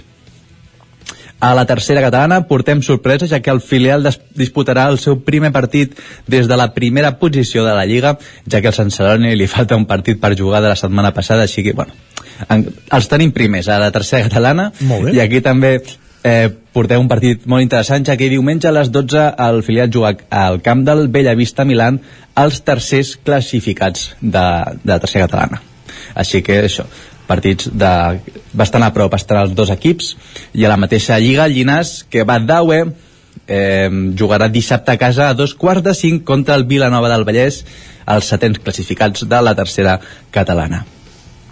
I acabem amb el futbol amb l'Esport Club que diumenge haurà d'anar al Castell de Fels jugarà a les 12 del migdia. Perfecte. Aquests dos equips estan situats a la tretzena i catorzena posició de la Lliga tercera, tercera Divisió Espanyola. Així que, com comentàvem, partits molt justos d'aquests dos equips que també s'hi juguen molt, ja que estan molt a prop de, de les fases per baixa de Lliga. Anem... Una perillosa, anem a l'handbol, va. Exacte. Anem a l'handbol, aquí a tenim doble partit aquest cap de setmana, jugant els dos equips, per fi, i els dos contra el Canovelles. Demà l'equip sènior femení juga a casa del Canovelles a l'una del migdia al pavelló Calatona, Cardedeu van dues posicions per davant del Canovelles que va últim de la Lliga Sènior Femenina i a l'equip masculí jugarà a casa diumenge a les 7 també contra Canovelles, en aquest cas doncs també eh, el Canovelles va últim a la Lliga i els caradeuencs van vuitens. Acabem acabem l'handbol i el repàs esportiu d'aquesta zona amb les noies de CAC 7 ja que el Franking també descansa aquesta setmana així que tenim eh, se, eh, handbol femení. Demà juguen a casa contra el Zonzamas Zicar Lanzarote. A, a, dos, sí, a dos quarts de nou. Eh, les noies de CAC 7 tenen una nova oportunitat per anar sumant puntets a la Lliga eh, ara van vuitenes classificades i jugaran al camp de les últimes així que esperem que torni a activar-se l'embol aquí a Granollers Molt bé. I el Frankie ja l'hem dit, eh? el Franqui vam dir que aquest cap de setmana tampoc juga Tampoc juga, doncs va, fins la, cal descansar. fins la setmana que ve exacte Perfecte, Òscar, doncs d'aquí una horeta parlem per l'agenda del cap de setmana. Fins ara, gràcies. Molt bé. Continuem aquest recorregut, encara al Vallès Oriental, anem fins a Ona Codinenca amb la Caral Campàs. Bon dia, Caral. Hola, bon dia. Com tenim la- l'agenda del cap de setmana, esportivament parlant? Doncs força plena. Eh, començo pel futbol. A segona catalana, el grup 6, el líder de grup imbatible, el Caldes de Montbui, es desplaçarà a la pista del Molinos, al Mataró, per disputar diumenge a les 12. El Caldes, a priori, ho hauria de tenir fàcil, com comentava, segueixen imbatibles amb 50 punts i 5 punts, punts per sota tenen el Cardedeu, que és el seu principal perseguidor i d'altra banda el Molinos està a la part mitja de la taula i me'n vaig a tercera encara en futbol el grup 5 el Sant Feliu de Codines rep l'Olímpic La Garriga demà a les 4 el Sant Feliu és setè amb 35 punts mentre que l'Olímpic és el segon classificat. Tot i això, val a dir que a la primera volta eh, el partit se'l van dur eh, se'l van endur els codinencs per 2 a 3 i a més jugaven amb el factor pista en contra per tant, veurem com va. Uh, i el Caldes el filial rep el Fulgaroles demà a un quart de vuit del vespre. Els calderins estan a diferència de, dels seus companys de segona estan a la part baixa de la, de la taula. Sí. mentre que el Fulgaroles és quart, eh, tot i que tot i aquest gran, aquesta gran diferència de punts entre Fulgaroles i Caldes val a dir que a la primera volta eh, van empatar a dos. I encara a tercera, el grup 5 al Mollà es desplaça a la pista del Navàs diumenge a dos quarts de 5 de la tarda. Eh, el Mollà ho hauria de tenir fàcil, vuitè amb 34 punts, mentre que el Navàs és 12 amb 20, 23 punts. I el Castellterçol rep l'aigua freda diumenge a dos quarts de 6, un Castellterçol que és tercer per la cua amb només 18 punts, mentre que l'aigua freda està a la part mitja de la taula. Val a dir, però, que com el Caldes i el Fulgaroles, en el partit de la primera volta, el Castellterçol i l'Aigua Freda van empatar a dos, per tant, bé, veurem com van tots, tots aquests um, partits de, de futbol. I me'n vaig a, a l'hoquei, a la primera divisió de la Federació Espanyola d'Hoquei, i a falta de quatre partits per acabar la temporada, el Caldes rebrà aquest dissabte l'Alcobendas a les 8 del vespre. Eh, El Caldes, que està al número 8 amb 25 punts, mentre que l'Alcobendas és cué de la Lliga. Per tant, seria un bon moment per sumar 3 punts eh, a, la, a la Torre Roja. I per aixecar el cap, Um, sí. Exacte. I encara a primera divisió, però femenina, tenim el Vigas i Riells del FAI. El Vigas, eh, com a alcaldes, disputarà aquest dissabte, una mica abans, però a les 6 de la tarda. Eh, les noies del Vigas es desplaçaran a la pista de l'Igualada per jugar el partit corresponent a la jornada 19 val a dir que les ballesanes estan al número 8 amb 25 punts mentre que les noies de l'Igualada són sisenes amb 29 punts. Una victòria interessant per sumar 3 punts eh, al Vigas i, i poder avançar posicions. I encara en hoquei, però a segona divisió i per acabar tenim el Sant Feliu de Codines que es desplaçarà a la pista del Tordera avui mateix per disputar a dos quarts de deu del vespre uh, bé, el Sant Feliu de Codines s'enfrontarà a un rival de nivell perquè mentre que els codinencs van tercers per la cua amb 19 punts, el Tordera és tercer Doncs veurem com van tots aquests compromisos aquest cap de setmana. Gràcies, Caral. Parlem d'aquí una estona. Gràcies. Fins ara. Fins ara. Anem cap al Ripollès, ens hi espera allà l'Isaac Muntades a la veu de Sant Joan per conèixer doncs, l'agenda dels equips del Ripollès per aquest cap de setmana. Bon dia. Bon dia, bon dia, bon dia.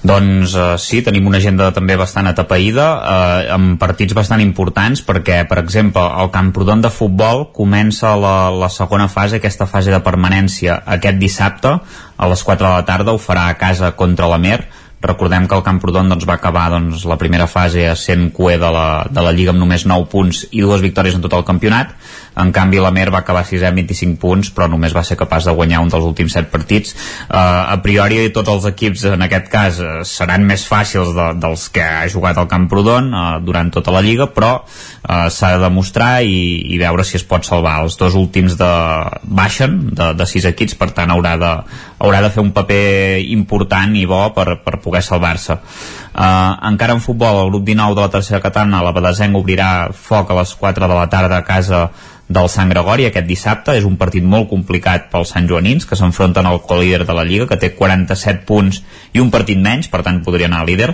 Uh, el Sant Gregori ha guanyat els últims 5 partits, però cal dir que el primer partit que va perdre el campionat, dels únics 4 en què, en què ha caigut fins ara, va ser el camp de la Badesenc, per tant doncs, la Badesenc ja sap el que és guanyar-lo i, i seria important doncs, també tornar-ho a fer.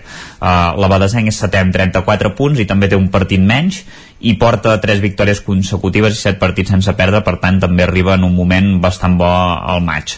Uh, i a la mateixa hora i dia el Camp Bànol rebrà la Cellera que va a desena amb 27 punts i només ha guanyat un dels últims 10 partits. Per tant teòricament és un rival propici pel Camp per aconseguir una nova victòria com a local perquè els canonolencs ara mateix són cinquens amb 38 punts i tampoc no atravessen un bon moment només han guanyat un dels últims sis partits però bé, aviam si poden capgirar una mica aquesta dinàmica i tornar, tornar a guanyar a casa.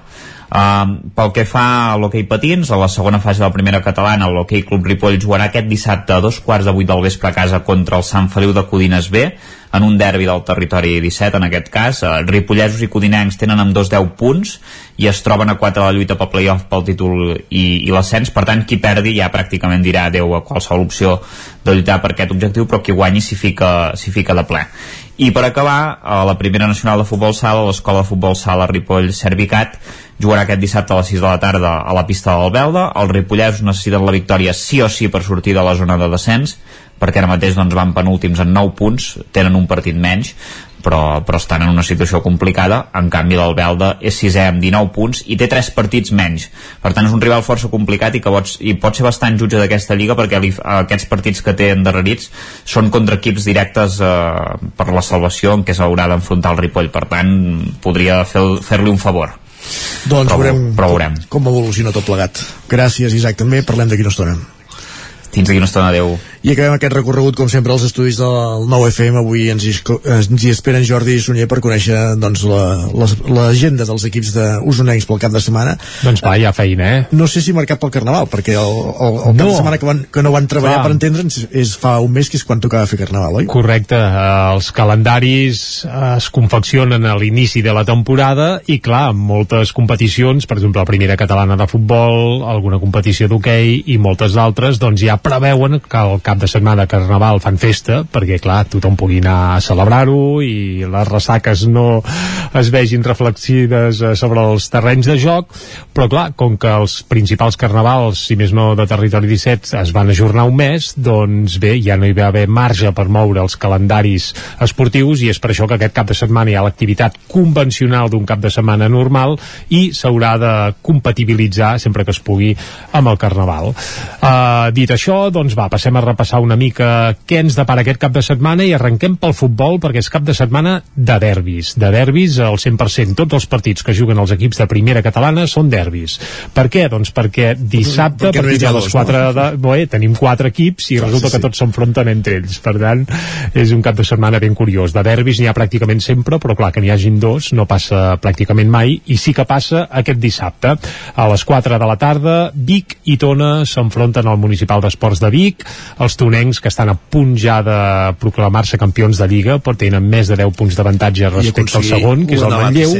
exacte, i aconseguir d'aquesta manera pujar a tercera divisió, bé, ara n'hi diuen tercera federació, l'any passat ja hi van estar a tocar, a tocar, a tocar eh, d'aquest ascens, aquest any Vas sembla que no minuts, sí, exacte, aquest any sembla que no se'ls hi escaparà.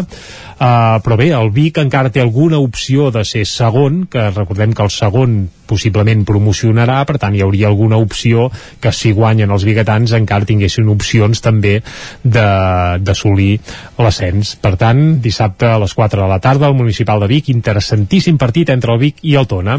L'altre derbi es jugarà mitja hora més tard, a dos quarts de cinc, i serà entre el Vic Riu Primer i el Manlleu. En aquest cas, per tant, jugaran a Santa Eulàlia de Riu Primer, a dos quarts de cinc de la tarda, el Vic Riu Primer, que és últim a la classificació, pràcticament ja sense opcions de salvació classificació uh, bé, el que passa que sí que estaria bé que acabessin la temporada sumant algun punt. Aquest 2022 encara no han guanyat cap partit. I el Manlleu, que de moment és segon el cap de setmana passat van jugar Manlleu i Tona al derbi en aquest cas al camp del Manlleu, va guanyar el Tona 0 a 2, els Manlleus, el Manlleu per tant ara té molt difícil optar a la primera posició però si manté la segona plaça de la classificació optaria a la promoció d'ascens i per tant bé, és pràcticament eh, necessari que guanyin el Riu Primer en aquest cas en el segon derbi que es viurà a primera catalana de futbol aquest cap de setmana. Uh -huh. Tanquem el futbol parlant del Vic Riu Primer de primera nacional femenina. Eh, femenina.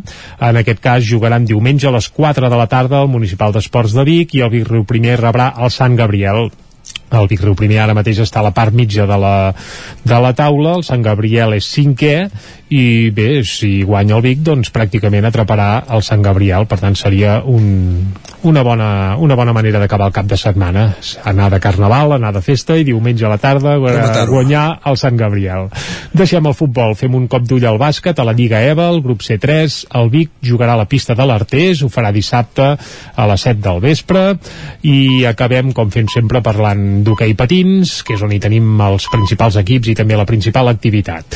Comencem per la... Bueno, comencem per on vulguis, Isaac, però va, començarem okay per Lliga, la... per exemple? Va, hoquei okay Lliga, doncs comencem per l'hoquei Lliga, vinga. El Manlleu tindrà un partit dificilíssim. Dissabte a les 7 del vespre juga a la pista del Barça, al Palau Blaugrana. Però va donar la però bé, campanada la setmana passada exacte, contra el Reus, eh? la setmana passada va golejar pràcticament 9 a 5 al Reus, per tant, escolta, el Manlleu que està molt necessitat de punts, ara que està en ratxa, doncs bé, tampoc es podria descartar que donés la sorpresa al Palau Blaugrana, això serà dissabte a les 7 i eh, el Voltregà no juga aquest cap de setmana a Hockey Lliga, jugarà dimecres contra el Calafell perquè aquest cap de setmana té partit d'Europa de, Cup els quarts de final de l'Europa de l'Europa, perdó, ja ho direm bé eh, l'Europa, la UEFA de l'hoquei patins va, Exacte. perquè ens entenguem. I el Voltregà dissabte a les 8 del vespre eh, mentre eh, hi haurà rua de Carnaval a Torelló doncs rebrà el Balgdano aquest equip italià. I bé, això és el partit d'anada. Per tant després eh, hi haurà partit de tornada. Qui superi l'eliminatòria serà ja a les semifinals de l'Europa Cup. Que, que de fet la, la UEFA ja no és la UEFA, ara és l'Europa League, per tant podríem dir que el Voltregà és el Barça de l'hoquei aquest, aquesta temporada. Exacte, ras i curt, és a dir, jugant la competició l'Europa, sí, sí, l'Europa League de l'hoquei patins. Uh, va superar la fase prèvia, recordem que hi havia una fase prèvia, ara comencen els quarts, després semis i etc i fins a la final i fins a la victòria si cal, va, el Voltregà, que des que ha canviat d'entrenador ho ha guanyat tot, bé, només Sí. ha jugat un partit, eh? Però bé, es va notar que hi ha un canvi uh, en el tarannà de l'equip. Aviam si aquest dissabte poden obtenir un bon resultat, un resultat positiu que els serveixi de cara al partit de tornada que hauran de jugar a Itàlia. Uh, ràpidament, va, hoquei Lliga Plata, la segona divisió de l'hoquei patins estatal. Aquí tenim el Taradell i el Vic, i el Taradell dissabte a les 8 del vespre jugarà a la pista del Xum Massanet, el Taradell que està a la part alta de la classificació, si guanyés s'hi mantindria, evidentment, i diumenge a les 4 de la tarda el Vic rebrà l'Alpicat. El Vic està a la zona tranquil·la, gairebé sense opcions de, bé, ni descens ni de descens, l'Alpicat està a la zona una mica més enlairada i aquest partit de, de diumenge, per cert, es podrà veure en directe per a les televisions de la xarxa, entre elles el nou TV, per tant, a qui vulgui pot anar al, a l'Olímpic de Vic, però també el pot seguir per la televisió. I acabem amb Hockey Lliga Femenina, cap de setmana també en partits, dissabte a dos quarts de nou del vespre, el Manlleu jugarà a la pista del Girona, el Girona és un dels darrers classificats, per tant el Manlleu està pràcticament obligat a guanyar i a sumar els 3 punts si es vol mantenir a la part alta de la classificació, i el Voltregà dissabte a dos quarts de sis de la tarda rebrà el Cerdanyola,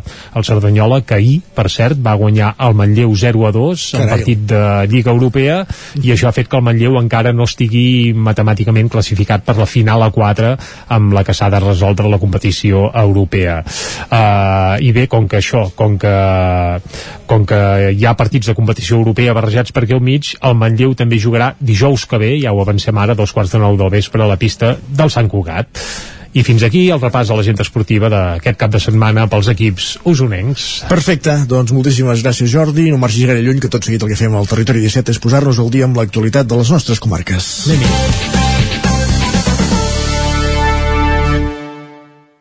Territori 17, amb Isaac Moreno i Jordi Sunyer.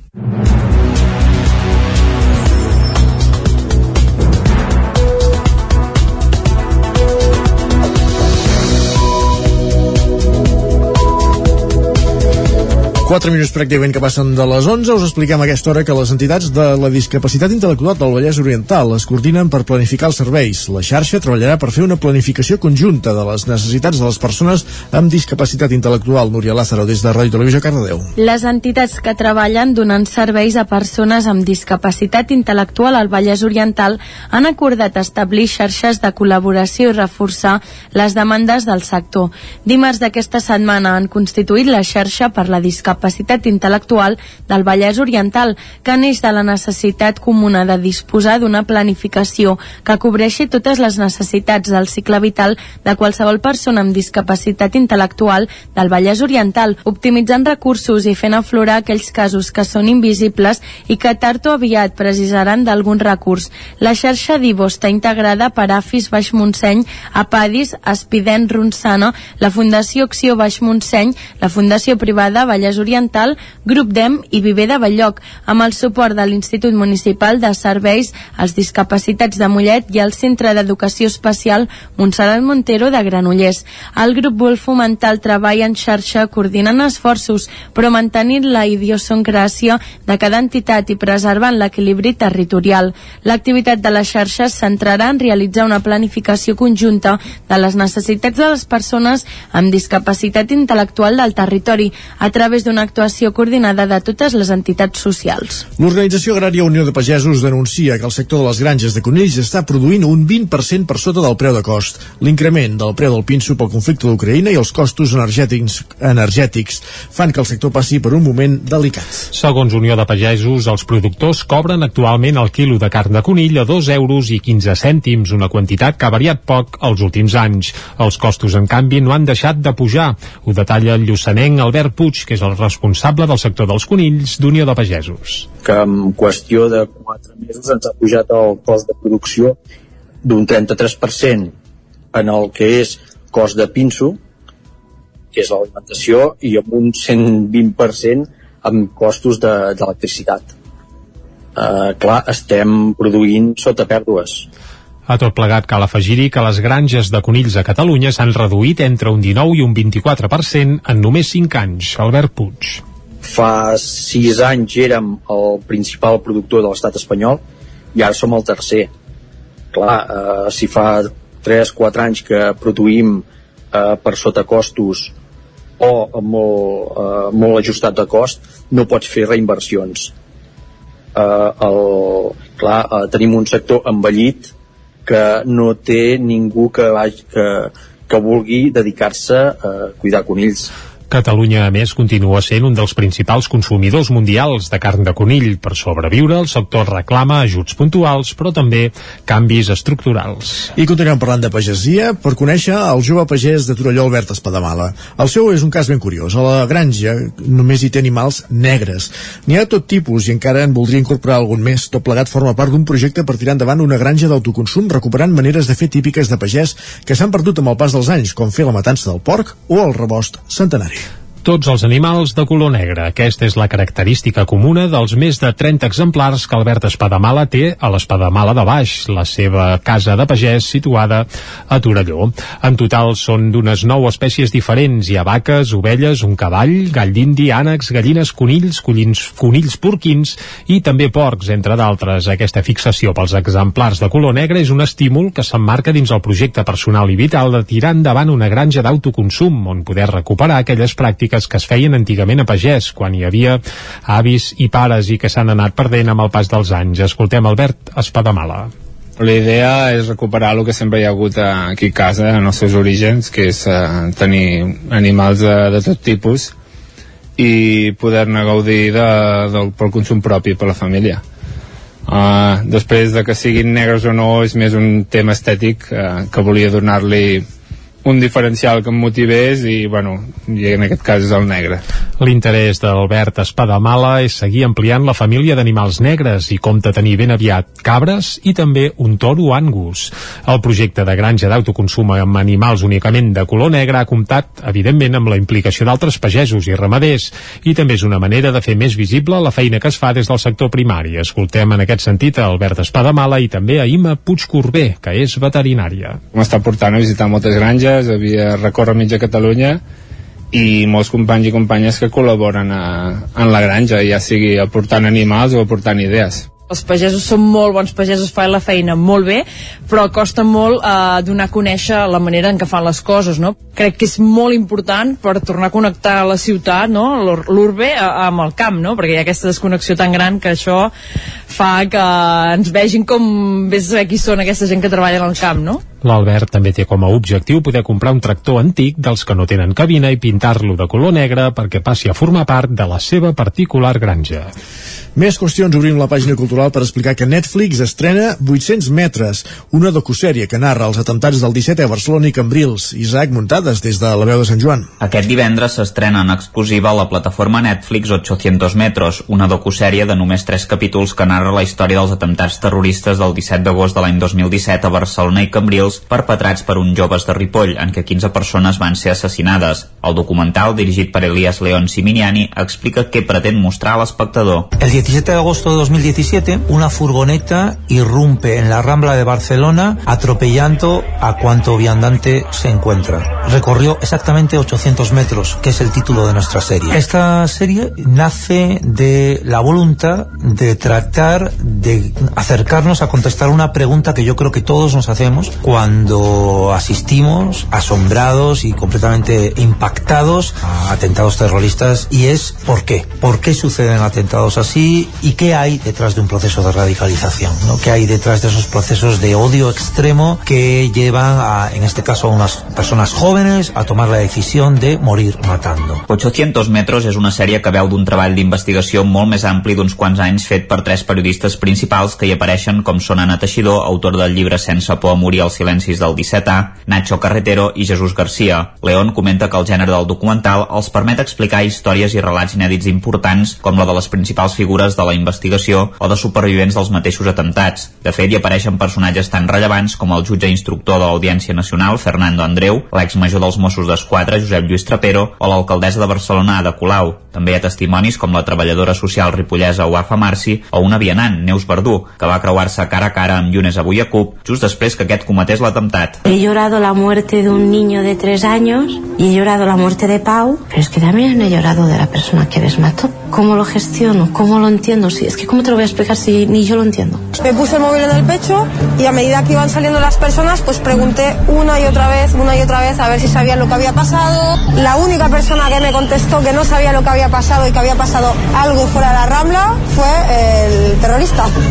¿Sabéis qué ha pasado? Sí, sí, está pasando. La docusèrie mostra imatges i vídeos inèdits dels joves radicalitzats de Ripoll i ofereix un minut a minut temporal i especial de tot allò que va passar aquells dies de l'agost del 2017. A més, León vol apropar-se fins a l'entorn més proper dels terroristes. El documental compta amb prop de 200 hores de gravació i més de 80 entrevistes realitzades. Segur que està molt bé la docusèrie i com tot i està fet a Catalunya, el català hi brilla per la seva absència i d'aquí plora la criatura. Més qüestions, l'Espai d'Art de Monistrol de Calders, Calrós, prepara una segona temporada d'exposicions ampliant el ventall amb artistes de diferents punts del país. Caral Campàs, des d'Ona Codinenca. El Centre d'Art Contemporani de Monistrol de Calders enceta la primavera amb nova programació combinant talent local amb artistes consolidats de diferents punts del país. Patrís Blancart, tècnic de cultura de Monistrol, valorava la feina feta durant el primer any de l'espai.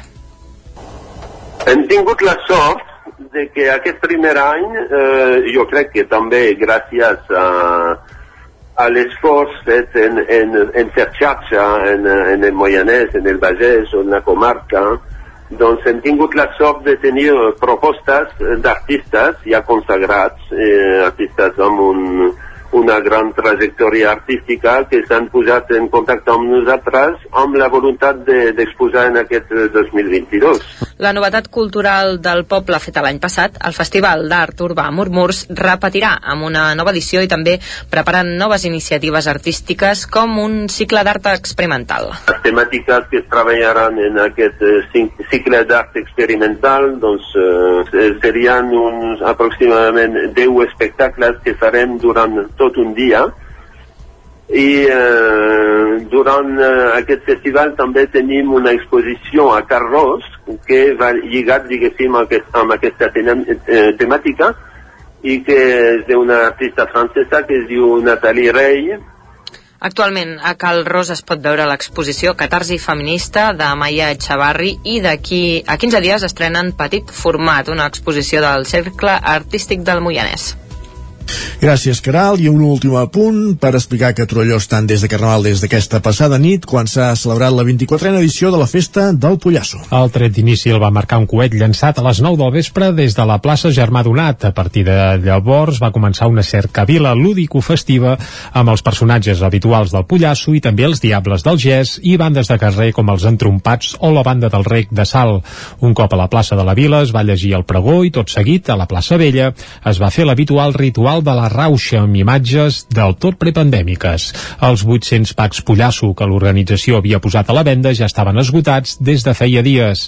El Carnaval de Torelló seguirà avui amb la festa de senyoretes i homenots i demà dissabte amb la Rua, que com sempre es podrà seguir també en directe per al nou TV. Gràcies, Jordi, que aquí aquest repàs informatiu que començàvem al punt de les 11 i algun minutet, en companyia d'Isaac Montada, Jordi Sunyer, Caral Campàs i Núria Lázaro.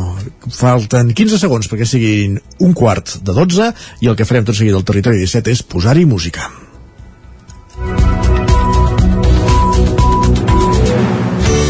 Territori 17. Envia'ns les teves notes de veu per WhatsApp al 646 079 023. 646 079 023. WhatsApp Territori 17.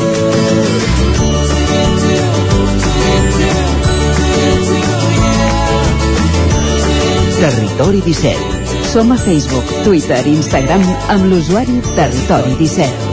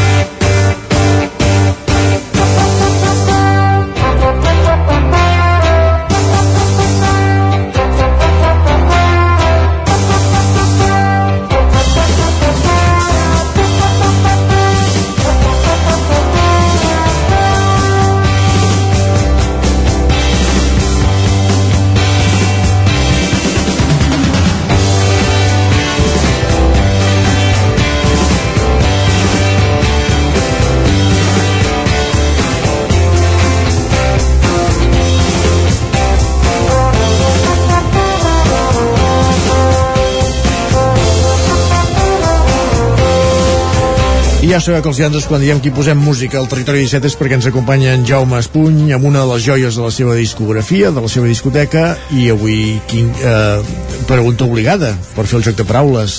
Qui? Escoltem, Jaume. Els qui? Uh, els Who. The Who. The Who i escoltem uh, Tommy.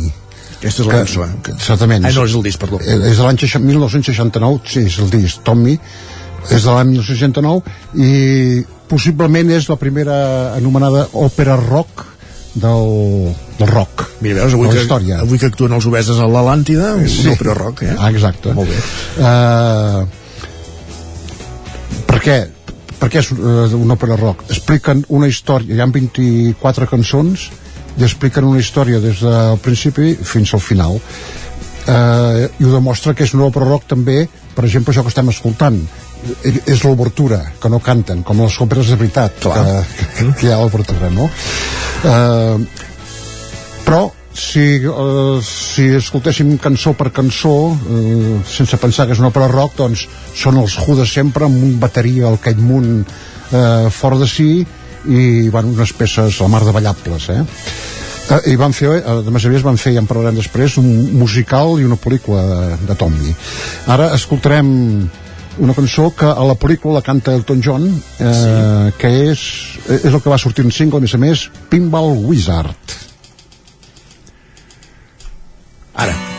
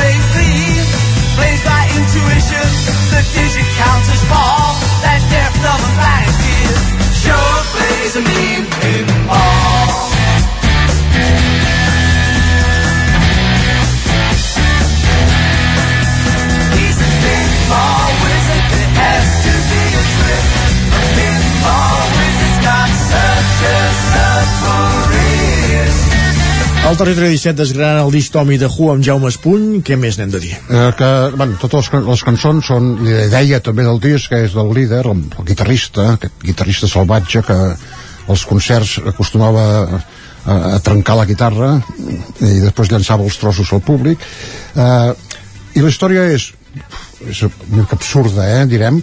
Un nen sec, sord i mut eh, va quedar per, per un trauma que va rebre quan el seu pare va matar l'amant de la seva mare. Mare Déu. eh, sí que eh, comença a jugar a la màquina del milió, te'n recordes? El, sí, tant. La màquina del milió. I, bueno, i, i en sap molt i, i, i fins i tot dis, disputa el campionat del món i queda campió del món. La cançó que estem sentint es diu precisament Pinball Wizard, que és el màquina del milió en anglès, i que, que allà el, a la pel·lícula doncs Elton John és el que és el, el dolent, l'altre jugador no? Uh -huh. després eh, munta una mena de secta molts seguidors però eh, des, eh, és una mica dèspota es torna una mica dèspota i els tots l'abandonen però al final eh, un vidre, no sé com ho fa eh, recupera la parla i la, la, la vista i què més? Bueno, i, ah, i, els, i la, la huida. I la huida. Ah, exactament. Um, precisament va dient en moltes cançons uh, un, una, cosa que, que hi va tornant que és uh, see me, feel me, touch me, heal me mira'm, sent, senta'm, toca'm, cura'm ara ho sentirem potser amb aquesta cançó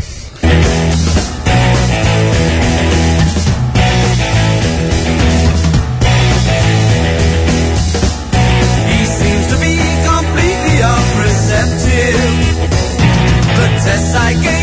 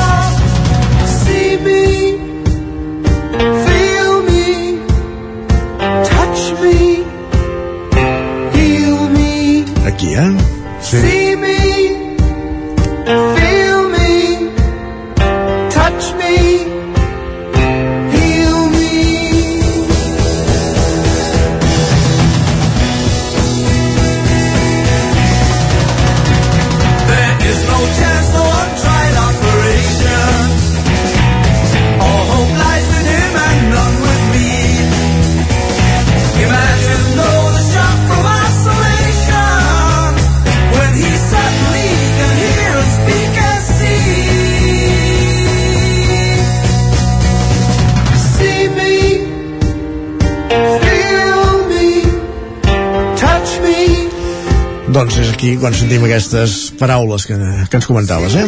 Exactament. Eh, la va muntar al, al teatre l'any 71. Sí. Mm, aquí, però amb, el, els, eh, alguns crítics deien tu no es passeu per també, perquè els Who eren els típics mod eh, rock, no? Uh -huh. Eh, la va muntar amb l'Orquestra Simfònica de Londres sí. i entre altres hi, hi sortia el Rod Stewart sí. i el Ringo Starr Carai. el Ringo Starr feia de tiet de, del Tommy eh, entre d'altres eh? i el 1975 van fer la pel·lícula que la vaig anar a veure Andorra, precisament. perquè- Andorra? Sí, perquè aquí costava que arribés. I com Però que... la tendència era anar a Perpinyà, per això, d'aquestes coses. No? Exacte, sí, bueno.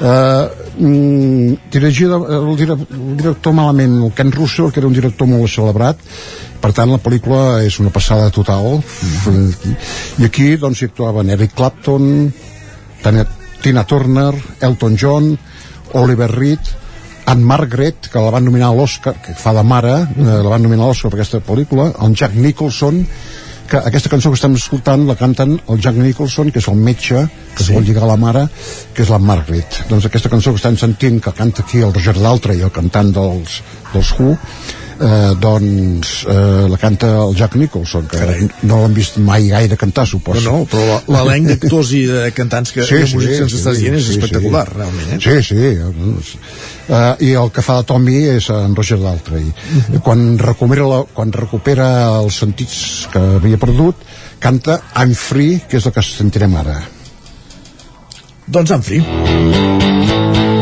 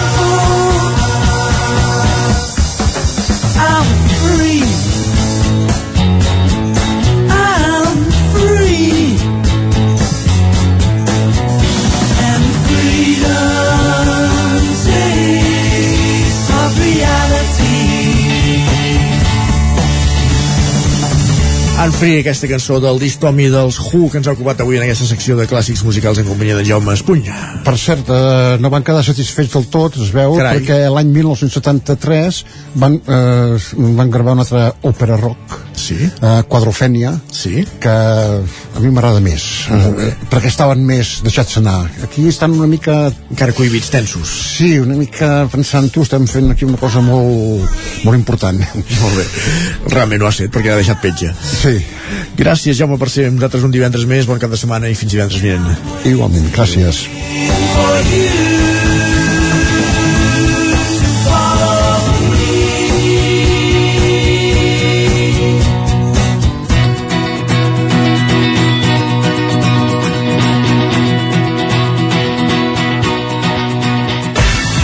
nou FM, la ràdio de casa, al 92.8. Arriba la primavera i tornen les samarretes. A Gràfic Cert tenim una extensa varietat de samarretes per vestir el teu personal, promocionar la teva empresa, club esportiu, associació... Si estàs organitzant un esdeveniment esportiu o una festa cultural, una samarreta és una bona opció per lluir la teva marca. Ja ho saps, si el que necessites per la teva promoció és una samarreta, Gràfic Cert és el teu proveïdor. I ara també tenim a la teva disposició samarretes 100% reciclades tant de cotó com de polièster.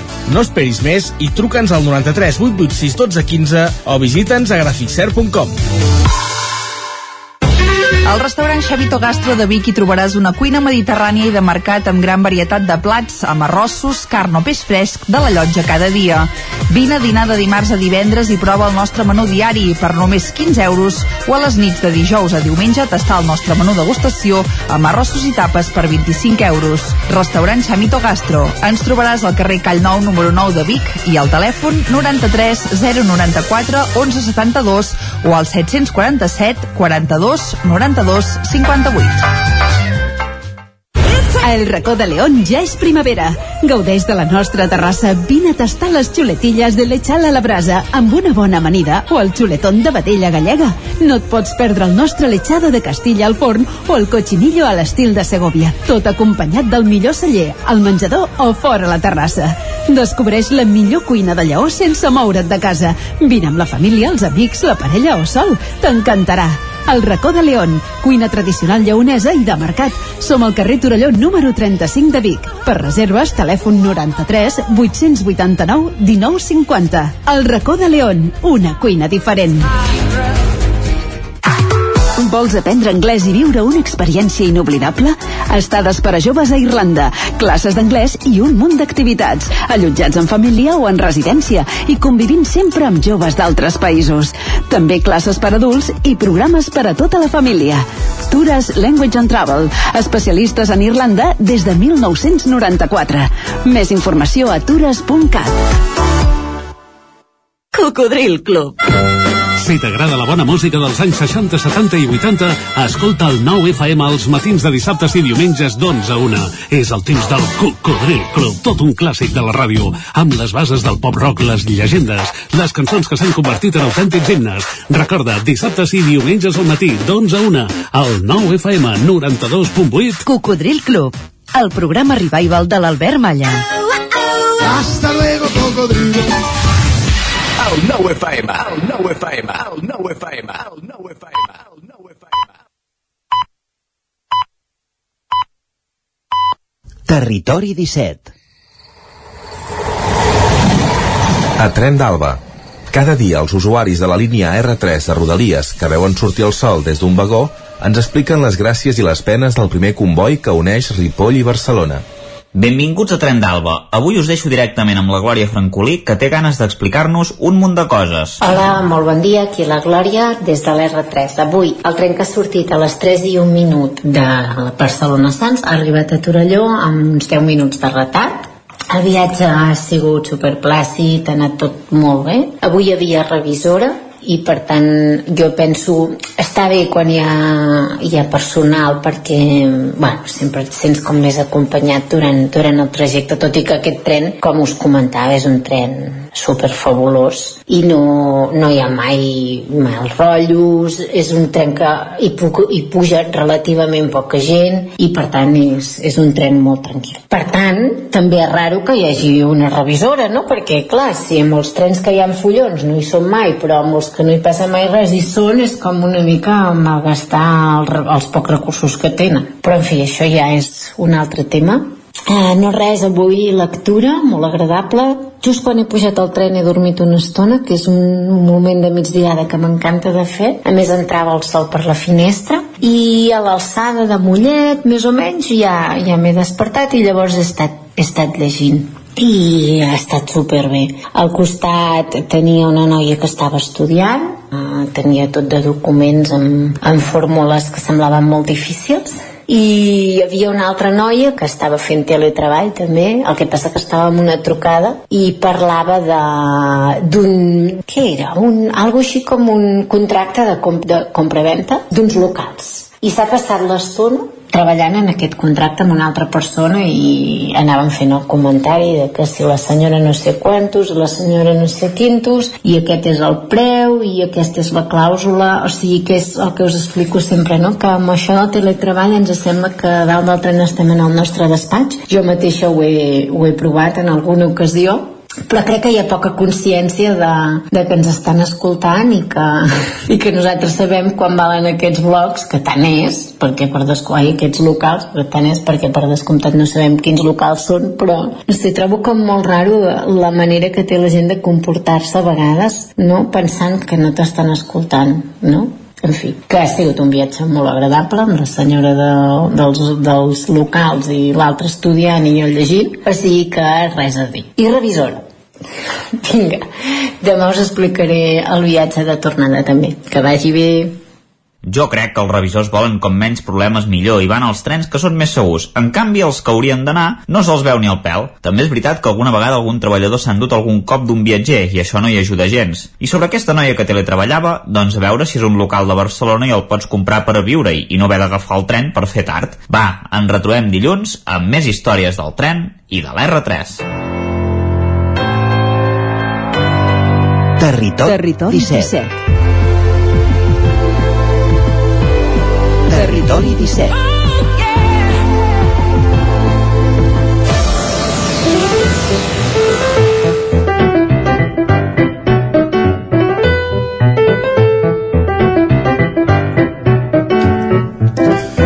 Gairebé 4 minuts que passen de dos quarts de 12 i al territori 17 ara parlem de cuina.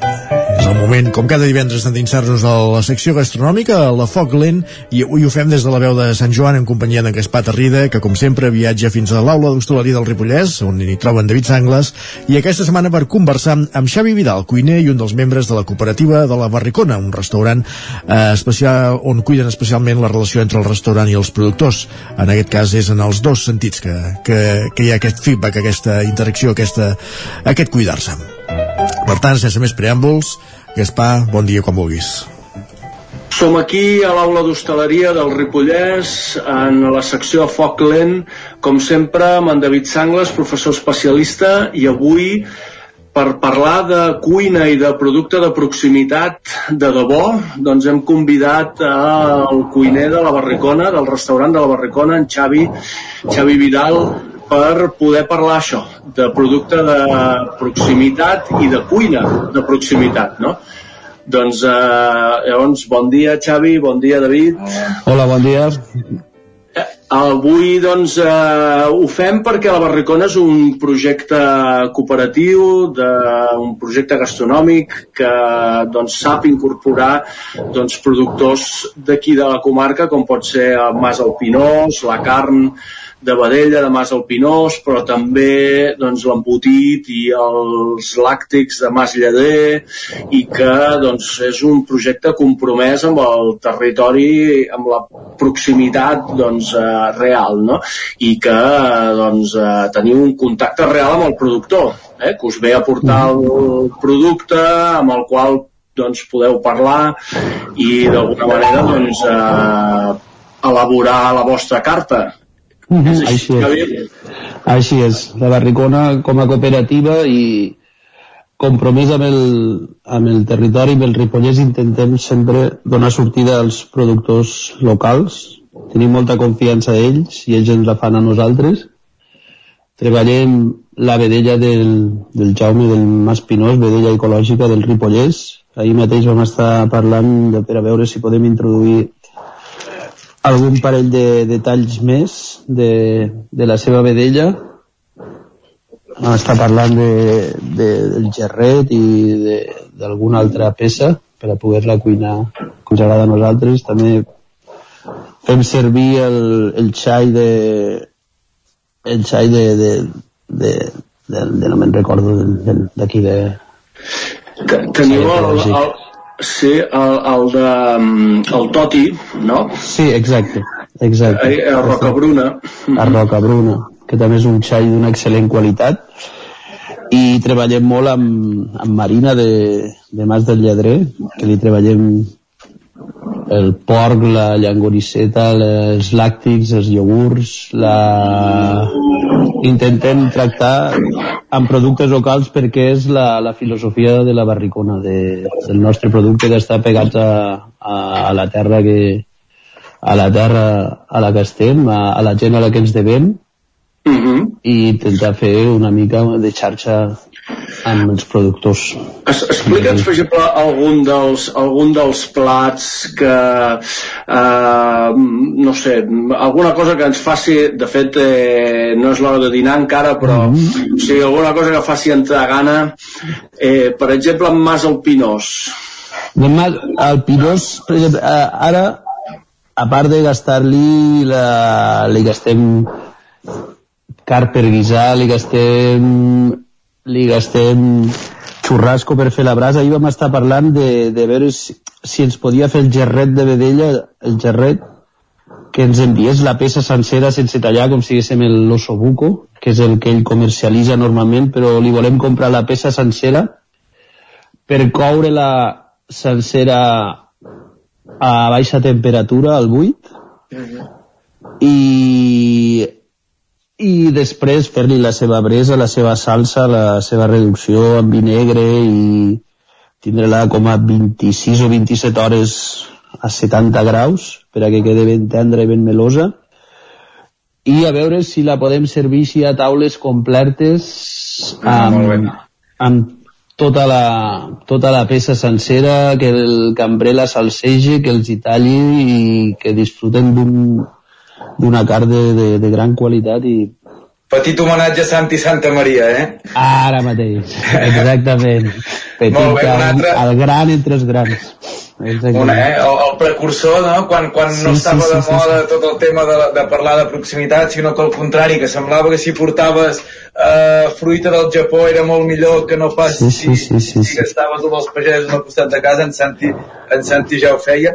No, jo entenc que la gràcia com a cuiner d'un producte, d'una relació Mhm. directa amb el productor és que és bidireccional, que ell moltes vegades us ofereix eh, peces que potser pel, pel client de casa no, no, no ven tant com pot ser el gerret, perquè són peces que s'han de guisar més o carns per escofar, no?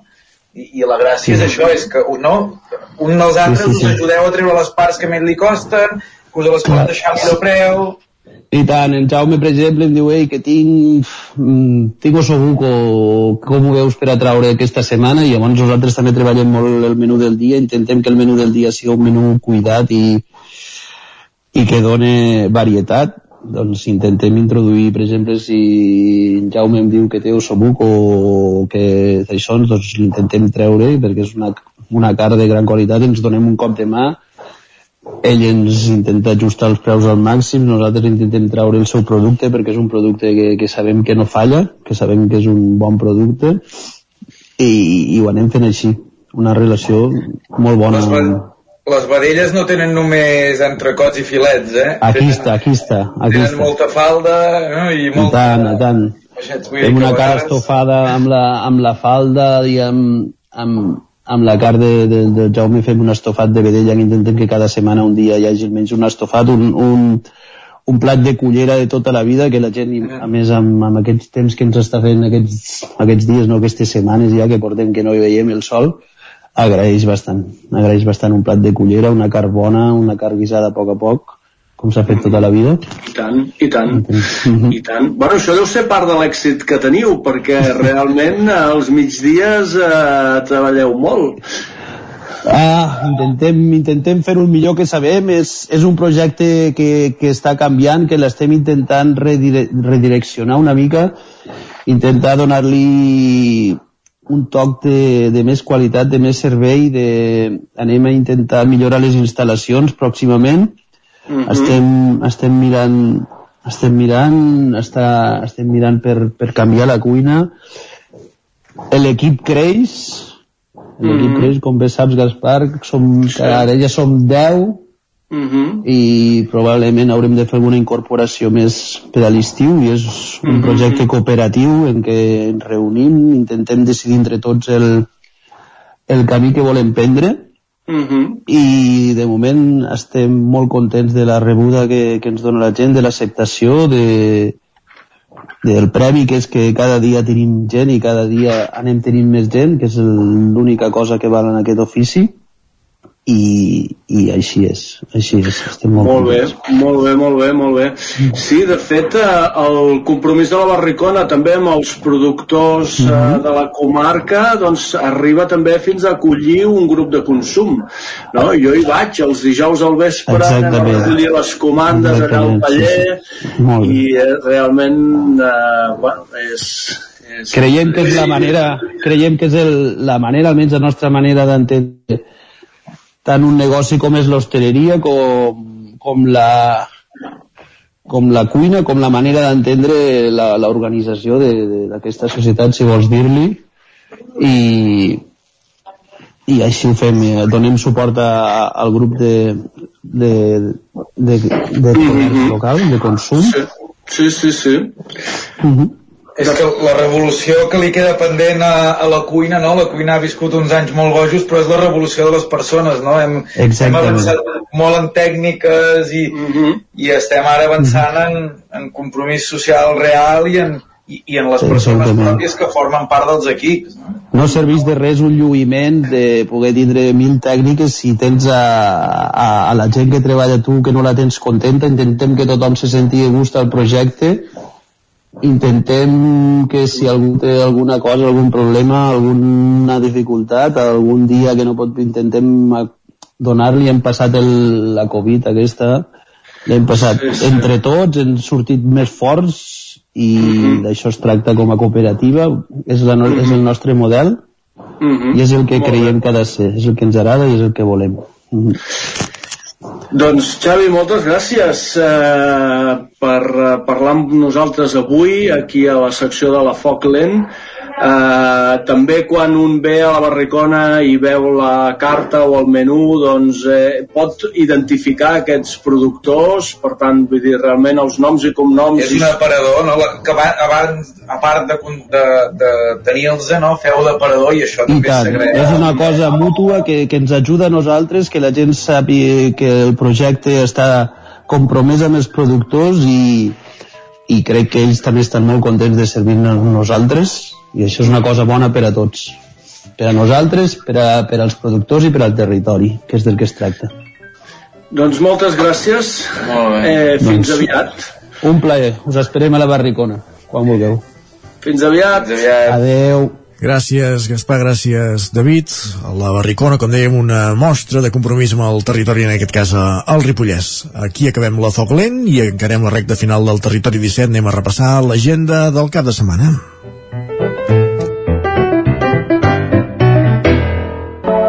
Territori 17, el 9 FM, la veu de Sant Joan, Ona Codinenca, Ràdio Cardedeu, Territori 17.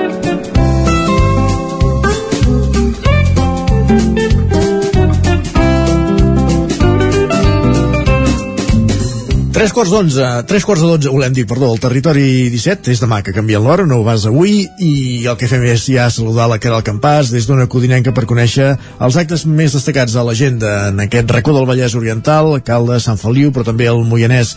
Caral, benvinguda de nou. Bon dia de nou, doncs bé, no tenim gaire mm, actes i fires pel que fa a oci, però bé, us comento algunes cosetes.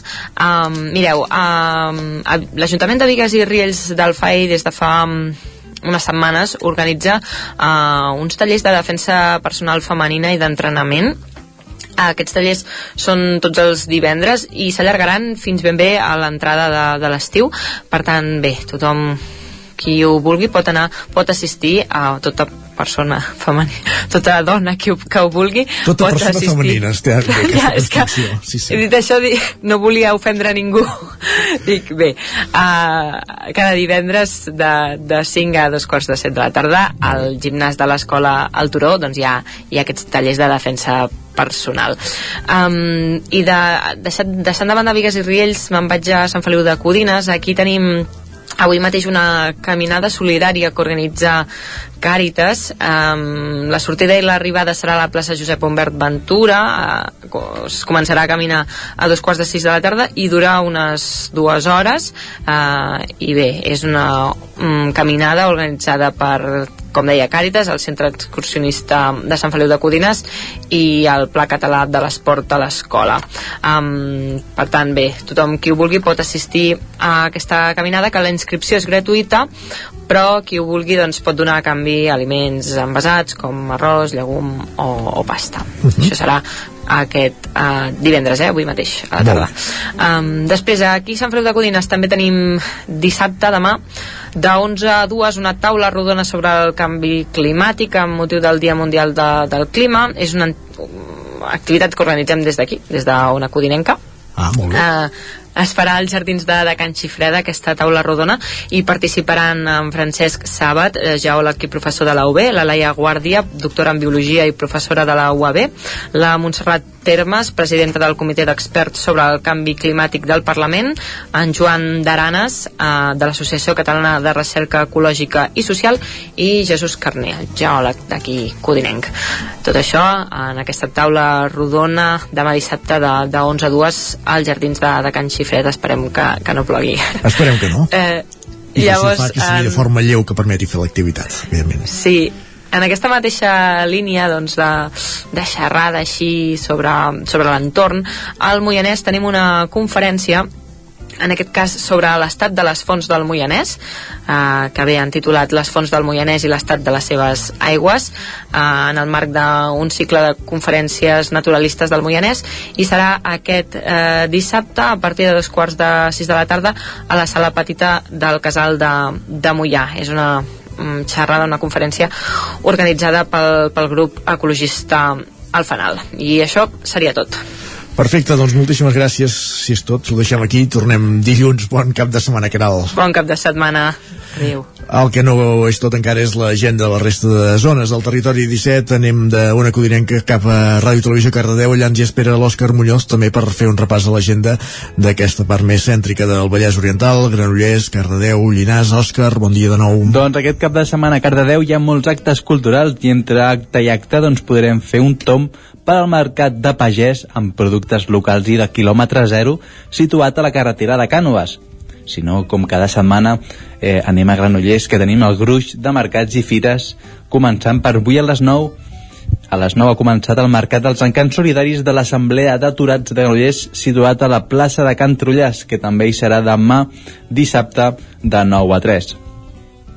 Avui també a les 9 ha començat el Mercat d'Artesans, que hi serà tot el dia a la plaça de la Corona una petita fira amb molta varietat de productes artesans locals o d'importació a bon preu. I per acabar el dia d'avui divendres a les 7 hi haurà una nova activitat anomenada Gastrotapas, on restaurants i bars de Granollers, 20 bars i restaurants de la ciutat, doncs participen en una ruta gastronòmica organitzada pel Gremi d'Hostaleria del Vallès Oriental, en la qual s'ofereix tapes a un preu de 3 euros acompanyades d'una beguda.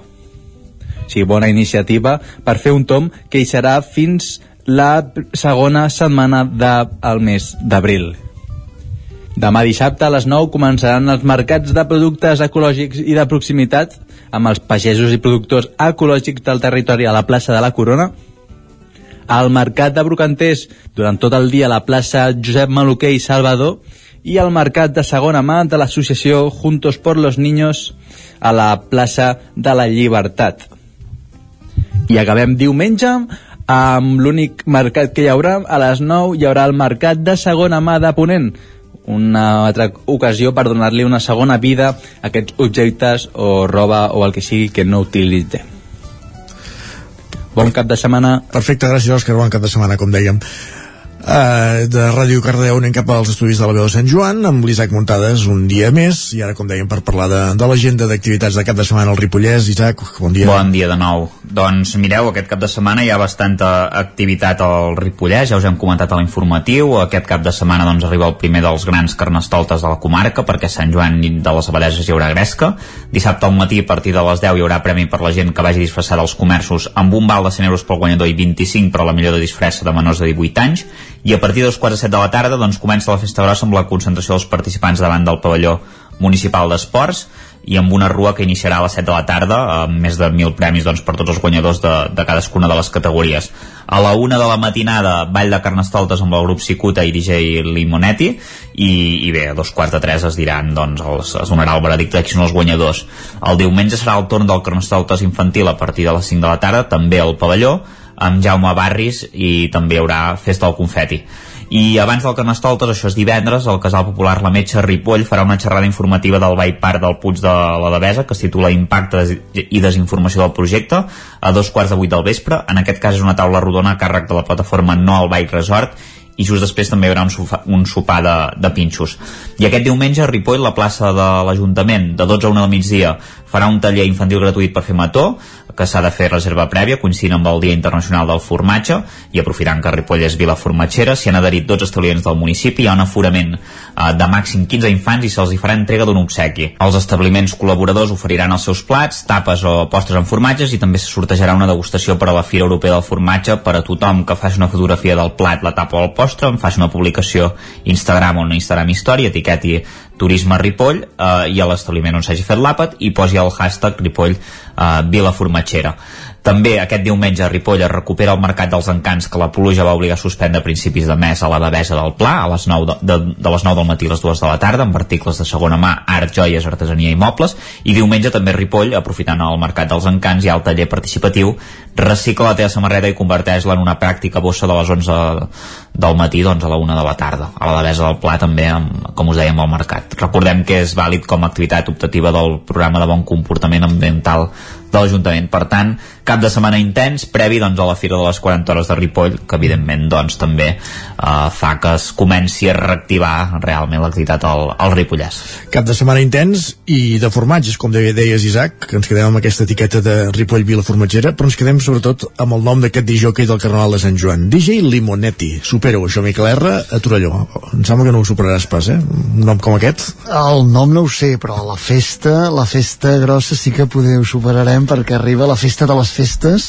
Després d'un any de parèntesi, recordem van tallar just fa dos anys eh, quan esclatava la pandèmia, encara es van poder fer tots es va poder fer també el Carnaval de Torelló de Terra Endins, aquest any arriba finalment després d'un any d'impàs el 44è Carnaval de Torelló, que ja va començar de fet, eh, entre setmana hi ha hagut els primers preàmbuls i sobretot ahir, Aquesta amb la, edició. exacte, la 24a edició del Pollasso aquesta nit, continuarà demà amb les senyoretes i els homenots, tot un clàssic no, en també. tot cas avui, eh? Perdó, avui, i demà arribarà, tinc pressa, tinc pressa de que arribi el dissabte i per això m'embalo, eh? Dissabte, dissabte serà el, el gran dia de la Rua, recordem que aquest any són 18 carrosses, 10 en categoria A i 8 categoria B, són algunes menys de les que hi havia hagut, el, diguéssim, l'últim any que es va fer amb normalitat. Com que es fan aquestes fusions de colles, són menys, però també n'hi ha de més grosses, diguéssim. Correcte, també una mica per, per allò de sumar esforços, eh? perquè Exacte. recordem que fins al mes de febrer encara hi havia un cert, eh, una certa incògnita de què passaria, si es faria, si no es faria, també s'ha fet un, tot i que se'ls ha donat aquest marge més d'un un mes més per Però, treballar-hi, de fet, quan es va decidir inicialment que es feia el Carnaval amb les dates habituals també era tardíssim, ja era octubre-novembre, vull dir que es van posar a fer carrosses molt tard. molt tard, i per llavors, tant ha, ha anat bé en aquest sentit a ajuntar, no? ajuntar esforços, s'han fet alguna colla menys, però segur que l'ambientació serà la mateixa perquè el que hi ha és moltes ganes. Uh, la, Sobretot, sí. la sortida, recordem-ho, eh, eh, que és a partir de les 6 de la tarda mm, i a partir d'aquí eh, anar avançant al carrer Sant Miquel hi haurà el jurat, com és tradicional, el moment, el moment àlgid i fins a la nit que, que tindrem resultats. Recordem, ens parlava també que hi ha altres petits carnavals, ens parlava de Sant Joan, eh, l'Isaac fa un moment, aquí, a Osona hauríem de sumar també els carnavals de Tona eh, i de Vic, eh, el de Tona eh, també sempre ja s'ha fet coincidir amb el de Torelló, independentment, és un, té un caràcter molt familiar, organitzen molt les ampes de les escoles, això serà dissabte a la tarda, per tant, plenament coincidint amb Torelló, però diguéssim que ells a la seva bola, a partir de les 6 de la tarda també sortirà la rua a l'entorn de la Canal, i eh, el de matí, en aquest cas, el de Vic, que també tradicionalment els barris, les associacions de veïns dels barris del Vic Sud organitzen també un petit carnaval, així un caràcter molt familiar, també d'aquest punt escolar amb alguna eh, comparsa també d'escoles. Això serà dissabte al matí, des de les 10 del matí fins a les 12 del migdia, quan arriben a la Rambla Tarradellas i a l'entrega de premis. Hi ha alguna associació de veïns que s'ha implicat menys aquest any, una mica pel mateix motiu que dèiem, no? El, el, el perill que hi havia de que no s'acabés fent, doncs no, no, no hi participaran. Per tant, ambient carnavalesc eh, Oh. aquest cap de setmana. El que no hi ha a Torelló diumenge, perquè ja va ser-hi el dia que tocava és el carnaval infantil, eh, bàsicament això venia perquè hi havia un grup contractat, que si no recordo malament devia ser el Pot Petit, eh, i es va fer el carnaval infantil, és a dir, el dia que tocava pròpiament dit, just ara fa, fa un mes, i com deies, la, la rua de carnaval que acabarà amb aquest Terra Endins Festival, que és el, la, la nit de Gresca, posteriorment a la zona esportiva. I més enllà de carnavals deu haver-hi poca cosa més, oi Miquel, aquest cap de setmana? Sí, poca cosa més. Eh, Esmentar només, eh, per qui li interessi el món del joc eh, i analitzar una mica eh, els jocs i el paper dels jocs que han tingut a la història, a la Universitat de Vic acull un, un congrés que es diu així, precisament, és la tercera edició del Congrés de Jocs en la Història, abans s'havia fet a Mora, la Nova i a Castelló, aquesta vegada en l'àmbit de Vic. Divendres aquesta tarda arrencarà també això amb, amb sessions de debat sobre el, el paper del joc, no? un caràcter més etnogràfic, diguéssim, tot dissabte també, i diumenge al matí es, es traslladarà, diguéssim, tin- tin- tindrem la part més lúdica i per tant qui vulgui aprendre jocs d'aquests de, de tota la vida hi haurà tota una estesa a la plaça Major de les 11 al matí fins a les 2 del migdia on diguéssim que eh, el congrés aquest prendrà la seva vessant més popular i més lúdic. Això serà diumenge al matí a la plaça Major. Doncs cap de setmana de Carnavals i amb aquest últim apunt dels Jocs Històrics a la, a la plaça Major de Vic diumenge eh, tanquem pràcticament el programa d'avui també. Gràcies Miquel. Bon cap de setmana. Bon cap de setmana.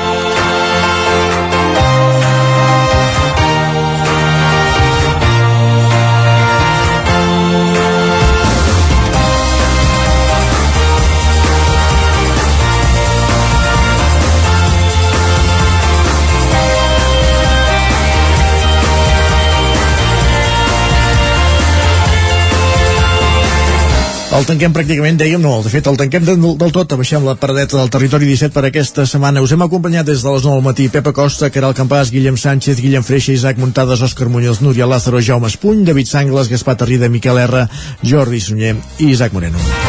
I tornarem dilluns. Molt bon cap de setmana a tothom. Fins aleshores, adeu-siau. Territori 17 un magazín del nou FM. La veu de Sant Joan, Ona Codinenca i Ràdio Cardedeu amb el suport de la xarxa. El nou FM.